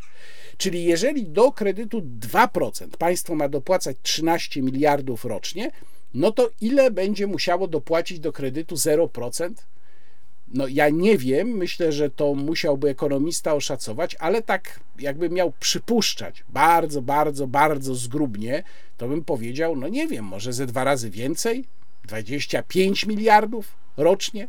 Czyli znów my wszyscy mielibyśmy wyłożyć nasze pieniądze, albo też państwo miałoby się jeszcze bardziej zadłużyć, po to, żeby Tusk mógł dać swoją łapówkę wyborczą. Tylko, że no, jak to w przypadku Tuska, raczej wydaje się mało prawdopodobne, żeby ta, e, ten program rzeczywiście został zrealizowany. Niemniej, no, sama ta licytacja na ten mieszkaniowy populizm już jest dosyć przygnębiająca.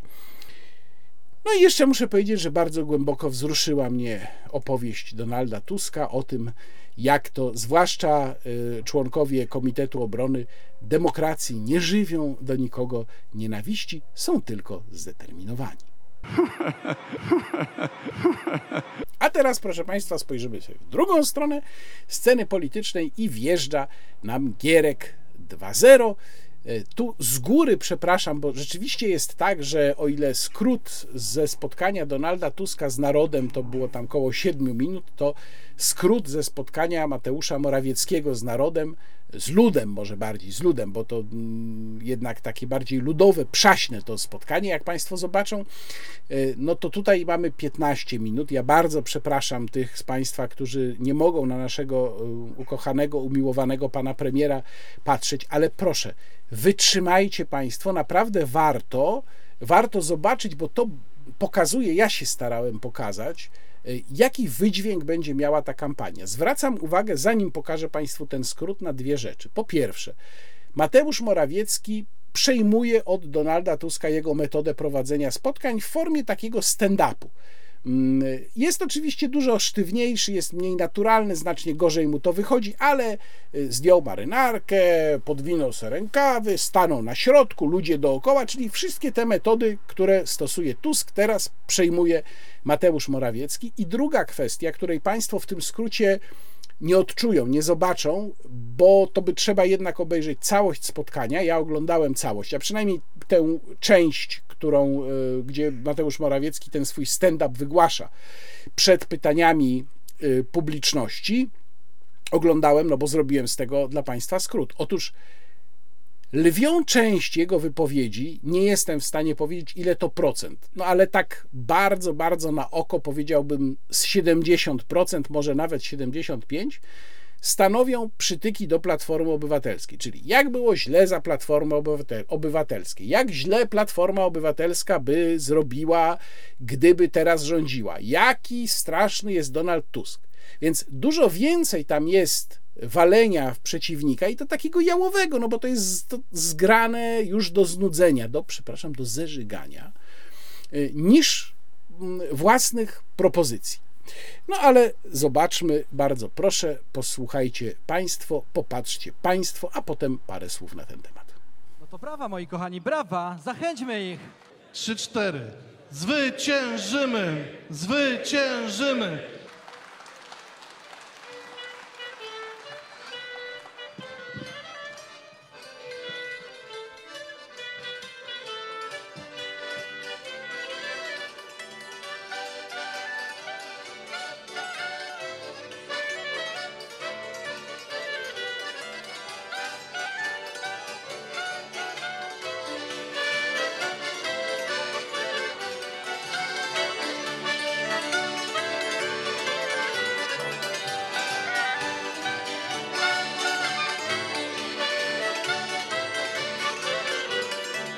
No właśnie, a teraz y, moi kochani, nasi goście, mieszkańcy Jasła, okolic, całego regionu podkarpackiego, czas na naszego gościa specjalnego.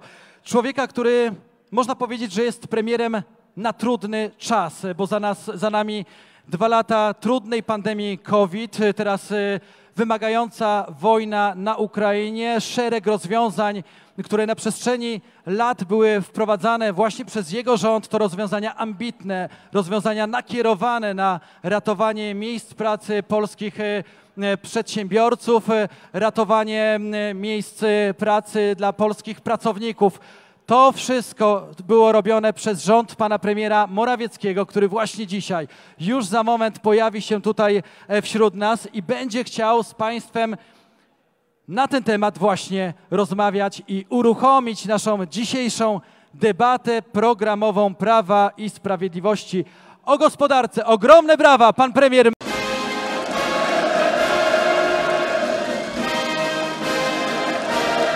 W powietrzu czuć już pierwsze powiewy wiosny. A, Alpy, tu się oddycha. Zbliża się wiosna, a my ruszamy na naszą trasę. Na trasę rozmów z Polakami, trasę spotkań z Polakami. I możecie zapytać, dlaczego to robimy? Dlaczego po raz kolejny Prawo i Sprawiedliwość, wszyscy posłowie, wszyscy członkowie rządu Prawa i Sprawiedliwości ruszają na trasę spotkań z Polakami? Jest tego jedna podstawowa przyczyna. Otóż, tak jak wcześniej, tak jak zawsze, chcemy, aby nasz plan na kolejne cztery, a może na osiem lat, tak jest, żeby wykuwał się właśnie na takich spotkaniach jak to. Po moim wstępie będziemy mieli czas na rozmowę, na Wasze pytania. Najtrudniejsze, jakie chcecie, pytania, obawy, lęki, frustracje, ale także nadzieje, refleksje i pomysły. Wszystko to, co Was boli. To właśnie podczas rozmów z Polakami rozmawialiśmy o obniżeniu podatków, o, to, żeby, o tym, żeby Polacy mogli jak najwięcej zarabiać netto, żeby do kieszeni Polaków trafiało jak najwięcej pieniędzy i żeby było jak najwięcej miejsc pracy. No tu do Państwa jadę prosto z rafinerii Jedlicze. Wiecie, co tam się działo w czasach Platformy Obywatelskiej. Rafineria do likwidacji. Für Deutschland. Rafineria, która miała być zniszczona. Setki ludzi pozbawionych pracy. 200 ludzi w rafinerii, 200 osób w rafinerii na bruk. A razem z firmami, które współpracowały, to kilkaset osób. Niedawno w mediach społecznościowych zobaczyłem taki prosty wpis. Taki bardzo prosty wpis. Otóż ktoś zapytał tak: jeżeli rząd Prawa i Sprawiedliwości nic nie robi, tylko rozdaje pieniądze ludziom, to gdzie były te pieniądze w czasach rządów Platformy Obywatelskiej? Prawda? Pytajmy o to. Ale pytajmy o to wszyscy. Pan i pani, pani, pan. No i panie, i kto za to płaci? Pan płaci, pani płaci, my płacimy. To są nasze pieniądze, proszę pana. Społeczeństwo. Społeczeństwo, proszę pana. Naprawione finanse publiczne stworzyły nam bazę do tego, że mamy pieniądze na 13 i 14 emeryturę, na 500, plus, na całą politykę społeczną. To 85 miliardów złotych rocznie. Tu spytał zakopane pieniądze. Gdzie one są?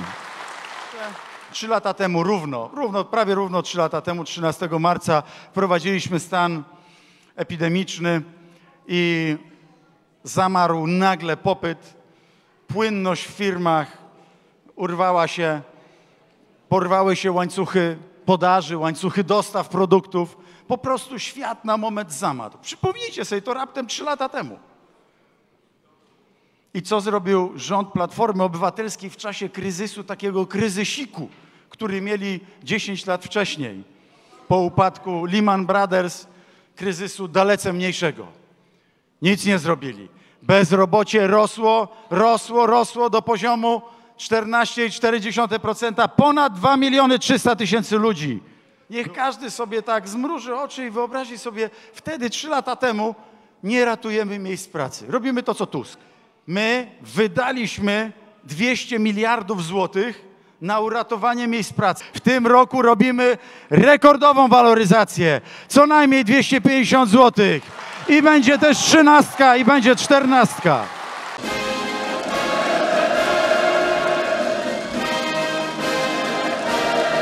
Wyobraźmy sobie teraz znowu, co by zrobiła Platforma Obywatelska, e, gdyby byli u władzy w takim trudnym czasie jak ten. Ja wam powiem, co by zrobili. Nie wysłaliby broni, tylko wysłaliby depesze do Niemiec, depesze do Berlina z pytaniem, co mogą wysłać do Niemiec, co mogą wysłać do, na Ukrainę. I szanowni państwo, na początku wojny przypomnijcie sobie, jak skandalicznie Niemcy się zachowywali. Liczyli tak naprawdę, że Ukraina padnie. Pamiętacie to?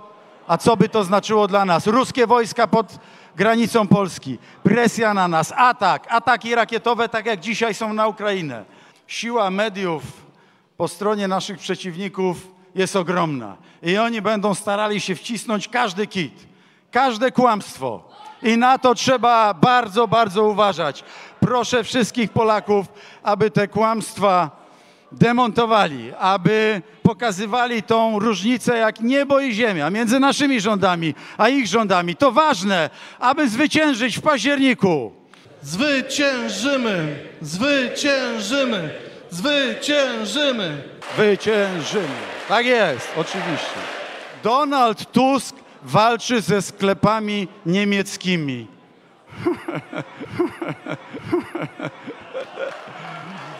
My jesteśmy partią najniższych podatków w czasie III Rzeczpospolitej. A dla nas to nie tylko nasz największy rodak, Jan Paweł II, ale jeden z największych ludzi w dziejach, w historii świata. Tak mogę śmiało powiedzieć. Nasz kochany Jan Paweł II. Dzień dobry, Ryszard Lisowski, członek zarządu powiatu sielskiego. E, Dzisiaj sołtysi mają wielki dzień. E, Dzień sołtysa. Panie premierze, co pan myśli o wynagrodzeniu dla sołtysów, o docenieniu ich ciężkiej społecznej pracy przez rząd? Dziękuję. Szanowni Państwo, a przede wszystkim drodzy sołtysi, obecni tu na sali i w całej Polsce, ci, którzy dziś jesteście sołtysami i byliście sołtysami w przeszłości. Rząd Prawa i Sprawiedliwości postanowił przygotować ustawę o przygotowaniu, o specjalnym dodatku do emerytury w wysokości 300 zł dla wszystkich sołtysów. Panie premierze, mamy w Jaśle zakład zbrojeniowy Gamrat. Potrzebujemy dofinansowania tego zakładu, który powstał jeszcze przed II wojną światową, a teraz je- jest w części polskiej grupy zbrojeniowej. Piosenkę pana Kor- Koracza o zdrowiu bym chciała najbardziej usłyszeć. Jakby to pan widział, to dofinansowanie? Szanowni Państwo, dofinansowaliśmy niedawno właśnie w ramach Polskiej Grupy Zbrojeniowej wielkie i bardzo ważne projekty, takie jak Huta Stalowa Wola, Jelcz Laskowice, Autosan tutaj na Podkarpaciu bardzo ważny, też zakład, który szedł w zapaść w czasach rządów Platformy. I tak samo zwrócę się do pana premiera Błaszczaka, ministra obrony narodowej, który nadzoruje PGZ, aby spojrzał szczególnie na ten zakład, bo słyszę, że to jest zakład produkcji bardzo specjalistycznej, bardzo ważny. Panie premierze, szanowni państwo, pragnę zapytać o przedsiębiorców. Jak w dobie kryzysu pokowidowego Prawo i Sprawiedliwość chce przekonać przedsiębiorców, którzy e, niestety upadli, którzy będą upadać oraz pragnę dopytać, pan mówi o podatkach, o e, obniżce podatków, pragnę dopytać, jak to się ma do nowych podatków oraz chcę zapytać o rolników, bo nie padł dzisiaj tutaj ten temat, a bezpieczeństwo żywnościowe naszego kraju jest bardzo ważne. Wiemy, że rolnicy protestowali w Dorochusku, w Medyce, tutaj przy terenach e, przejeździe na, z Polski na Ukrainę. Wiemy, że miały być korytarze solidarnościowe celem pomocy e, Ukrainie, a wiemy jednak, że rolnicy protestują, bo polskie zboże w magazynach e, leży, marnuje się, a ukraińskie zboże, które miało być zbożem technicznym, panie premierze, które bardzo często jest zbożem niekonsumpcyjnym, ląduje niestety w skupach, a miało jechać do Afryki, miało pomóc tym krajom trzeciego świata. I ostatnie pytanie, bardzo krótko. Wiemy, że mamy rocznicę rzezi wołyńskiej w tym roku 80. i chciałam zapytać, czy rząd polski ma e, jakieś plany, aby po, prze, przedsięwziąć konkretne kroki, aby ta trudna karta historii polsko-ukraińskiej została w końcu uregulowana. Mam tutaj na myśli ekshumację e, pomordowanych na rzezi wołyńskiej. Jest to bardzo, bardzo ciężki temat. Dziękuję za możliwość zadania pytania, panie premierze. Tak jest, szanowni państwo. Kilka pytań tutaj pani Karolina, tak? Pani Karolina zadała. Zacznę od tego ostatniego, bo on jest dla mnie też szczególnie bolesny. Jak byłem w Kijowie ostatnie dwie moje wizyty, to rozmawiałem z prezydentem Zołyńskim również o tym. I mam obietnicę z tamtej strony, że ekshumacje wreszcie będą mogły się z powrotem zacząć. Taką obietnicę złożył prezydent, złożył rząd ukraiński, bo to leży mi bardzo na sercu. My tego na pewno nie odpuścimy. Niezależnie od tego, co się dzieje na Ukrainie, bo zobaczcie Państwo, jak tutaj jest dramatycznie zapętlona nasza historia. My nie mamy prawa tego odpuścić i nie odpuścimy. Prawda o rzezi wołyńskiej musi być wyjaśniona do końca. Ale jednocześnie, ale jednocześnie to oni dzisiaj umierają na swoich barykadach za naszą wolność i za nasze bezpieczeństwo. I tak też trzeba powiedzieć. I tak też trzeba powiedzieć. I trzeba mieć to w głowie, kiedy się myśli o tym wszystkim, ale dla mnie zbrodnia wołyńska jest czymś absolutnie niewyobrażalnym i nigdy nie wolno o niej nie tylko zapomnieć. Prawda musi być zawsze podkreślana przez nas. To jest mój absolutny warunek sine qua non, warunek bezwzględny polityki wobec Ukrainy. To punkt pierwszy. Punkt drugi. Pytała Pani o zboże. Otóż, Szanowni Państwo, zakończyliśmy realizację koncepcji programowej z panem premierem Kowalczykiem dotyczącej właśnie tego, w jaki sposób to zboże powinno być dalej eksportowane. I teraz, już chyba od, od tygodnia czy dwóch, zboże jest zaplombowane, bo te korytarze, o których pani mówiła, korytarze Solidarności, tak to nazywaliśmy, rzeczywiście one były nieszczelne. To znaczy to zboże czasami jako paszowe w różny sposób trafiało na rynek, ale, albo też konsumpcyjne, jak pani podpowiada. Ale teraz od jakiegoś czasu nie powinno tak być. Zboże jest zaplombowane i albo w samochodach, albo koleją jedzie zwykle do Gdańska i stamtąd właśnie do Afryki na Bliski Wschód, żeby nie było tam następnej wielkiej wojny z głodu. I druga część programu, którą tutaj realizujemy, jest taka, że wkrótce przeznaczymy do dwóch, około 2 miliardów złotych na zabranie części zboża z silosów zbożowych dzisiaj pełnych u nas w Polsce, po to, żeby rolnicy mogli teraz i na czas zbóż mieć pełne przekonanie i szanse, że zboże będą mogli sprzedać po przyzwoitej cenie.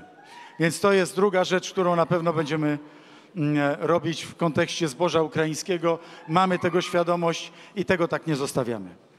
I kolejna rzecz, tutaj nie wiem dokładnie o jaką branżę pani pytała, ale to jest tak, że przeznaczyliśmy na ratowanie firm z wszystkich branż praktycznie ponad 200 miliardów złotych. I ogromną większość firm uratowaliśmy.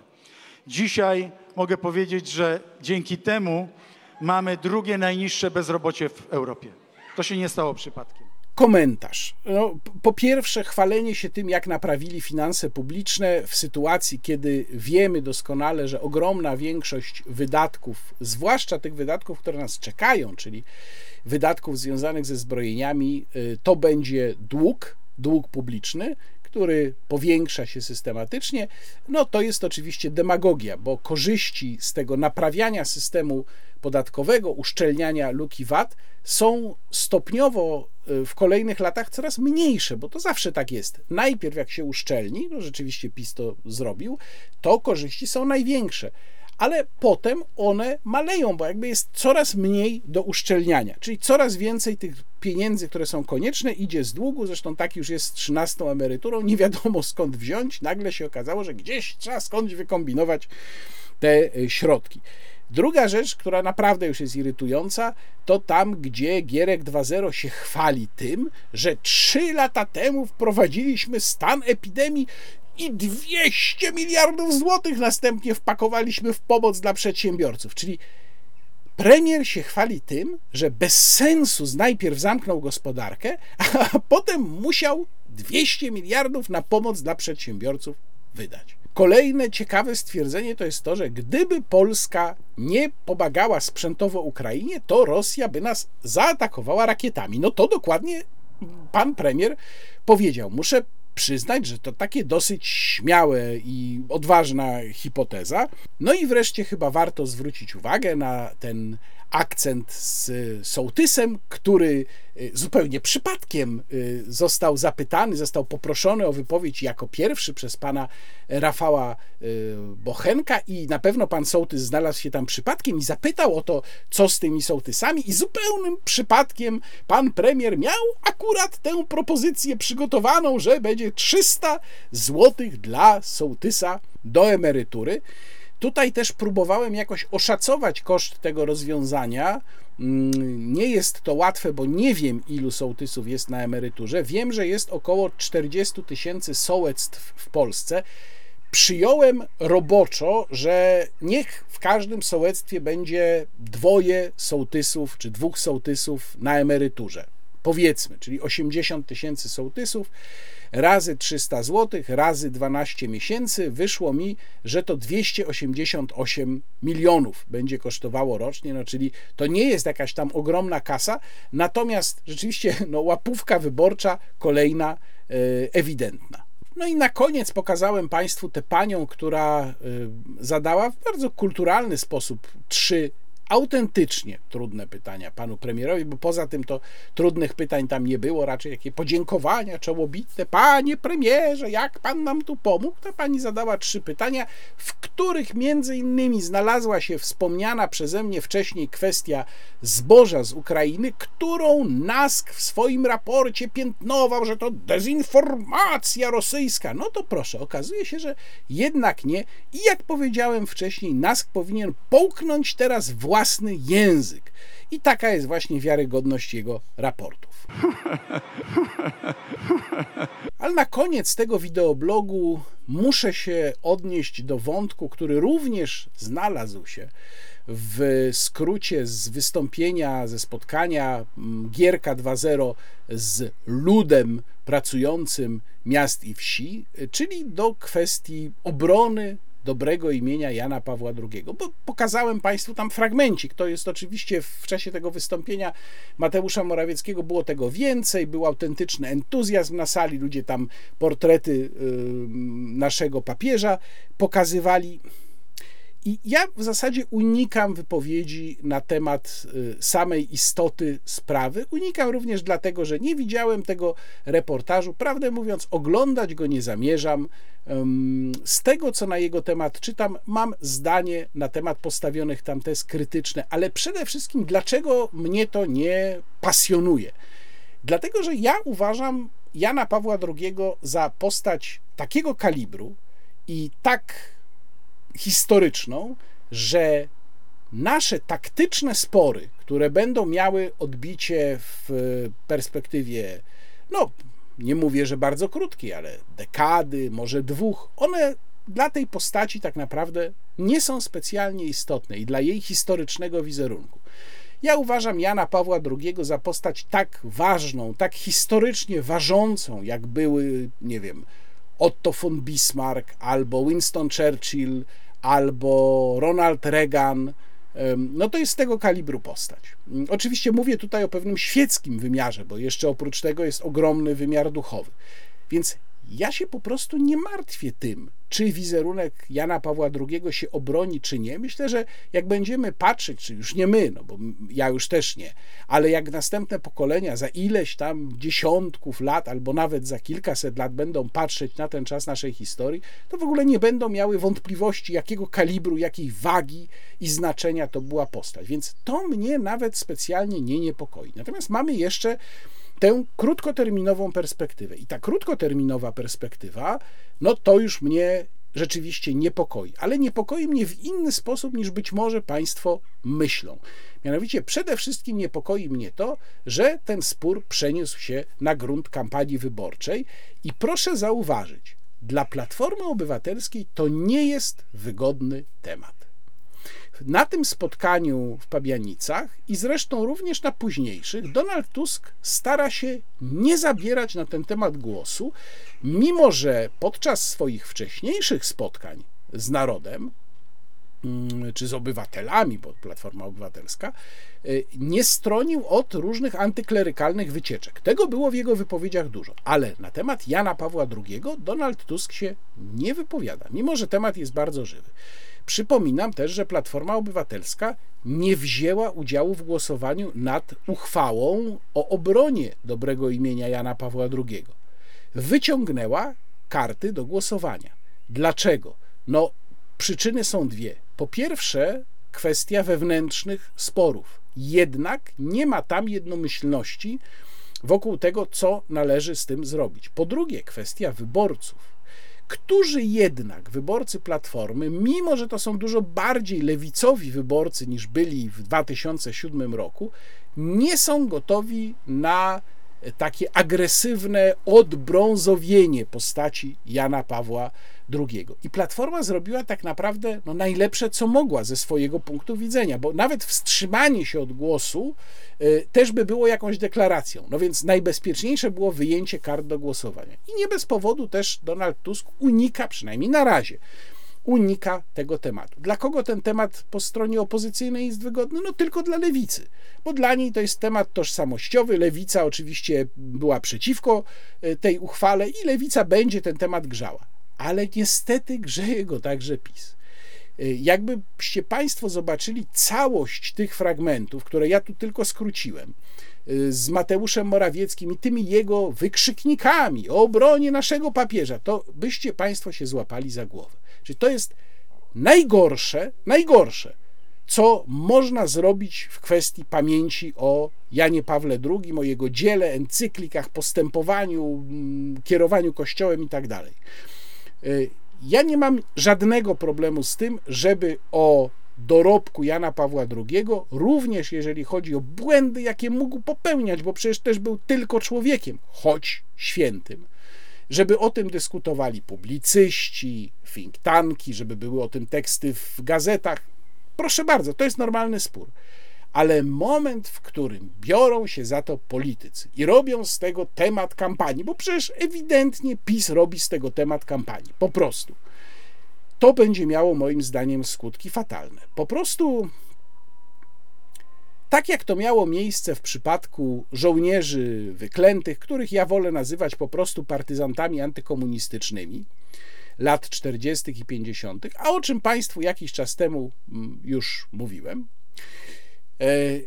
kiedy zinstytucjonalizowano ich kult, to doprowadziło do tego, że bardzo wiele osób zaczęło postrzegać tę historię, tę opowieść o e, partyzantach antykomunistycznych jako część pakietu pisowskiego i tym samym zaczęli ją odrzucać. Obawiam się, że dokładnie to samo stanie się z Janem Pawłem II. Nikt już nie przeczyta jego encyklik, po tej stronie popierającej, żeby było jasne też, e, a tym bardziej po tej drugiej. Po co? Bo Jan Paweł II stanie się częścią pisowskiego pakietu i zostanie odrzucony razem z pisem. To jest upartyjnianie świętego. Nawiasem mówiąc, przepraszam, muszę tu zrobić dygresję. Wydaje mi się, że bardzo wiele osób, które mm, no, atakują w tej chwili i Kościół, i, i Jana Pawła II, nie bardzo rozumie, na czym polega w ogóle kwestia świętości w Kościele katolickim. To nie jest tak, że ktoś zostaje ogłoszony świętym na mocy jakiegoś głosowania, albo że to Kościół decyduje, kto będzie świętym. Cała ta, powiedzmy, procedura ma na celu jak gdyby odkrycie, że ktoś jest święty. Odkrycie. Kościół tylko odkrywa coś, co już jest faktem. Czyli jeżeli stwierdza czyjąś świętość, to stwierdza coś, co obiektywnie w, ty, w tej powiedzmy meta rzeczywistości już istnieje. To jest bardzo ważna uwaga, bo myślę, że wiele osób tego nie rozumie, niezależnie od tego, jaki jest nasz stosunek do Kościoła i czy jesteśmy wierzący, czy nie. Chodzi o to, żeby zrozumieć, na czym sama ta właśnie procedura polega. Wracając do tematu, myślę, że y, bardzo źle Prawo i Sprawiedliwość przysłuży się Janowi Pawłowi II, biorąc go na sztandary i robiąc z jego obrony jeden z wątków kampanii wyborczej, ale niestety mamy rok wyborczy, to jest dopiero marzec, już jest y, trudno wytrzymać, a cóż dopiero w kolejnych miesiącach, a polityczni cynicy mają kompletnie gdzieś tak naprawdę, co się stanie z pamięcią o naszym polskim papieżu, albo w ogóle z czymkolwiek innym. Ich w tej chwili interesuje tylko to, żeby mieć jak najwięcej miejsc w Sejmie. I zostawiam Państwa tymczasem z tym mało optymistycznym wnioskiem. Ale na koniec jeszcze drobne ogłoszenie, a właściwie dwa ogłoszenia. Po pierwsze, w najbliższy piątek w Toruniu będę miał spotkanie i to spotkanie odbędzie się o godzinie 18 w Centrum Wolności przy ulicy Piernikarskiej 6. Bardzo serdecznie zapraszam. Toruń, najbliższy piątek, godzina 18, Piernikarska 6, Centrum Wolności. Tam będę miał otwarte spotkanie. I drugie ogłoszenie, bardzo ważne. Państwo pamiętają mój spór z panem wiceministrem spraw zagranicznych, panem Pawłem Jabłońskim, o którym to sporze zresztą wspominałem w tym wideoblogu. Otóż y, Klub Jagielloński podjął się zorganizowania debaty pomiędzy mną a panem ministrem. I już teraz mogę na tę debatę Państwa zaprosić która odbędzie się w siedzibie y, warszawskiego oddziału klubu jagiellońskiego. Będzie to o godzinie 18 we wtorek 21 marca. Myślę, że też będzie transmisja z tego wydarzenia, więc także ci z Państwa, którzy nie będą mogli przyjść, to będą mogli to wydarzenie zdalnie sobie obejrzeć, również już po tym, kiedy ono się zakończy. A zatem najbliższy piątek, godzina 18, Piernikarska 6 Toruń i 21 marca siedziba Klubu Jagiellońskiego w Warszawie, też godzina 18, moja debata z panem wiceministrem Pawłem Jabłońskim. A ja za dzisiaj Państwu bardzo serdecznie dziękuję. Dziękuję za wszystkie odtworzenia, za wszystkie polubienia, wszystkie komentarze, a szczególnie serdecznie kłaniam się i dziękuję wszystkim moim mecenasom. Łukasz Warzecha, do zobaczenia.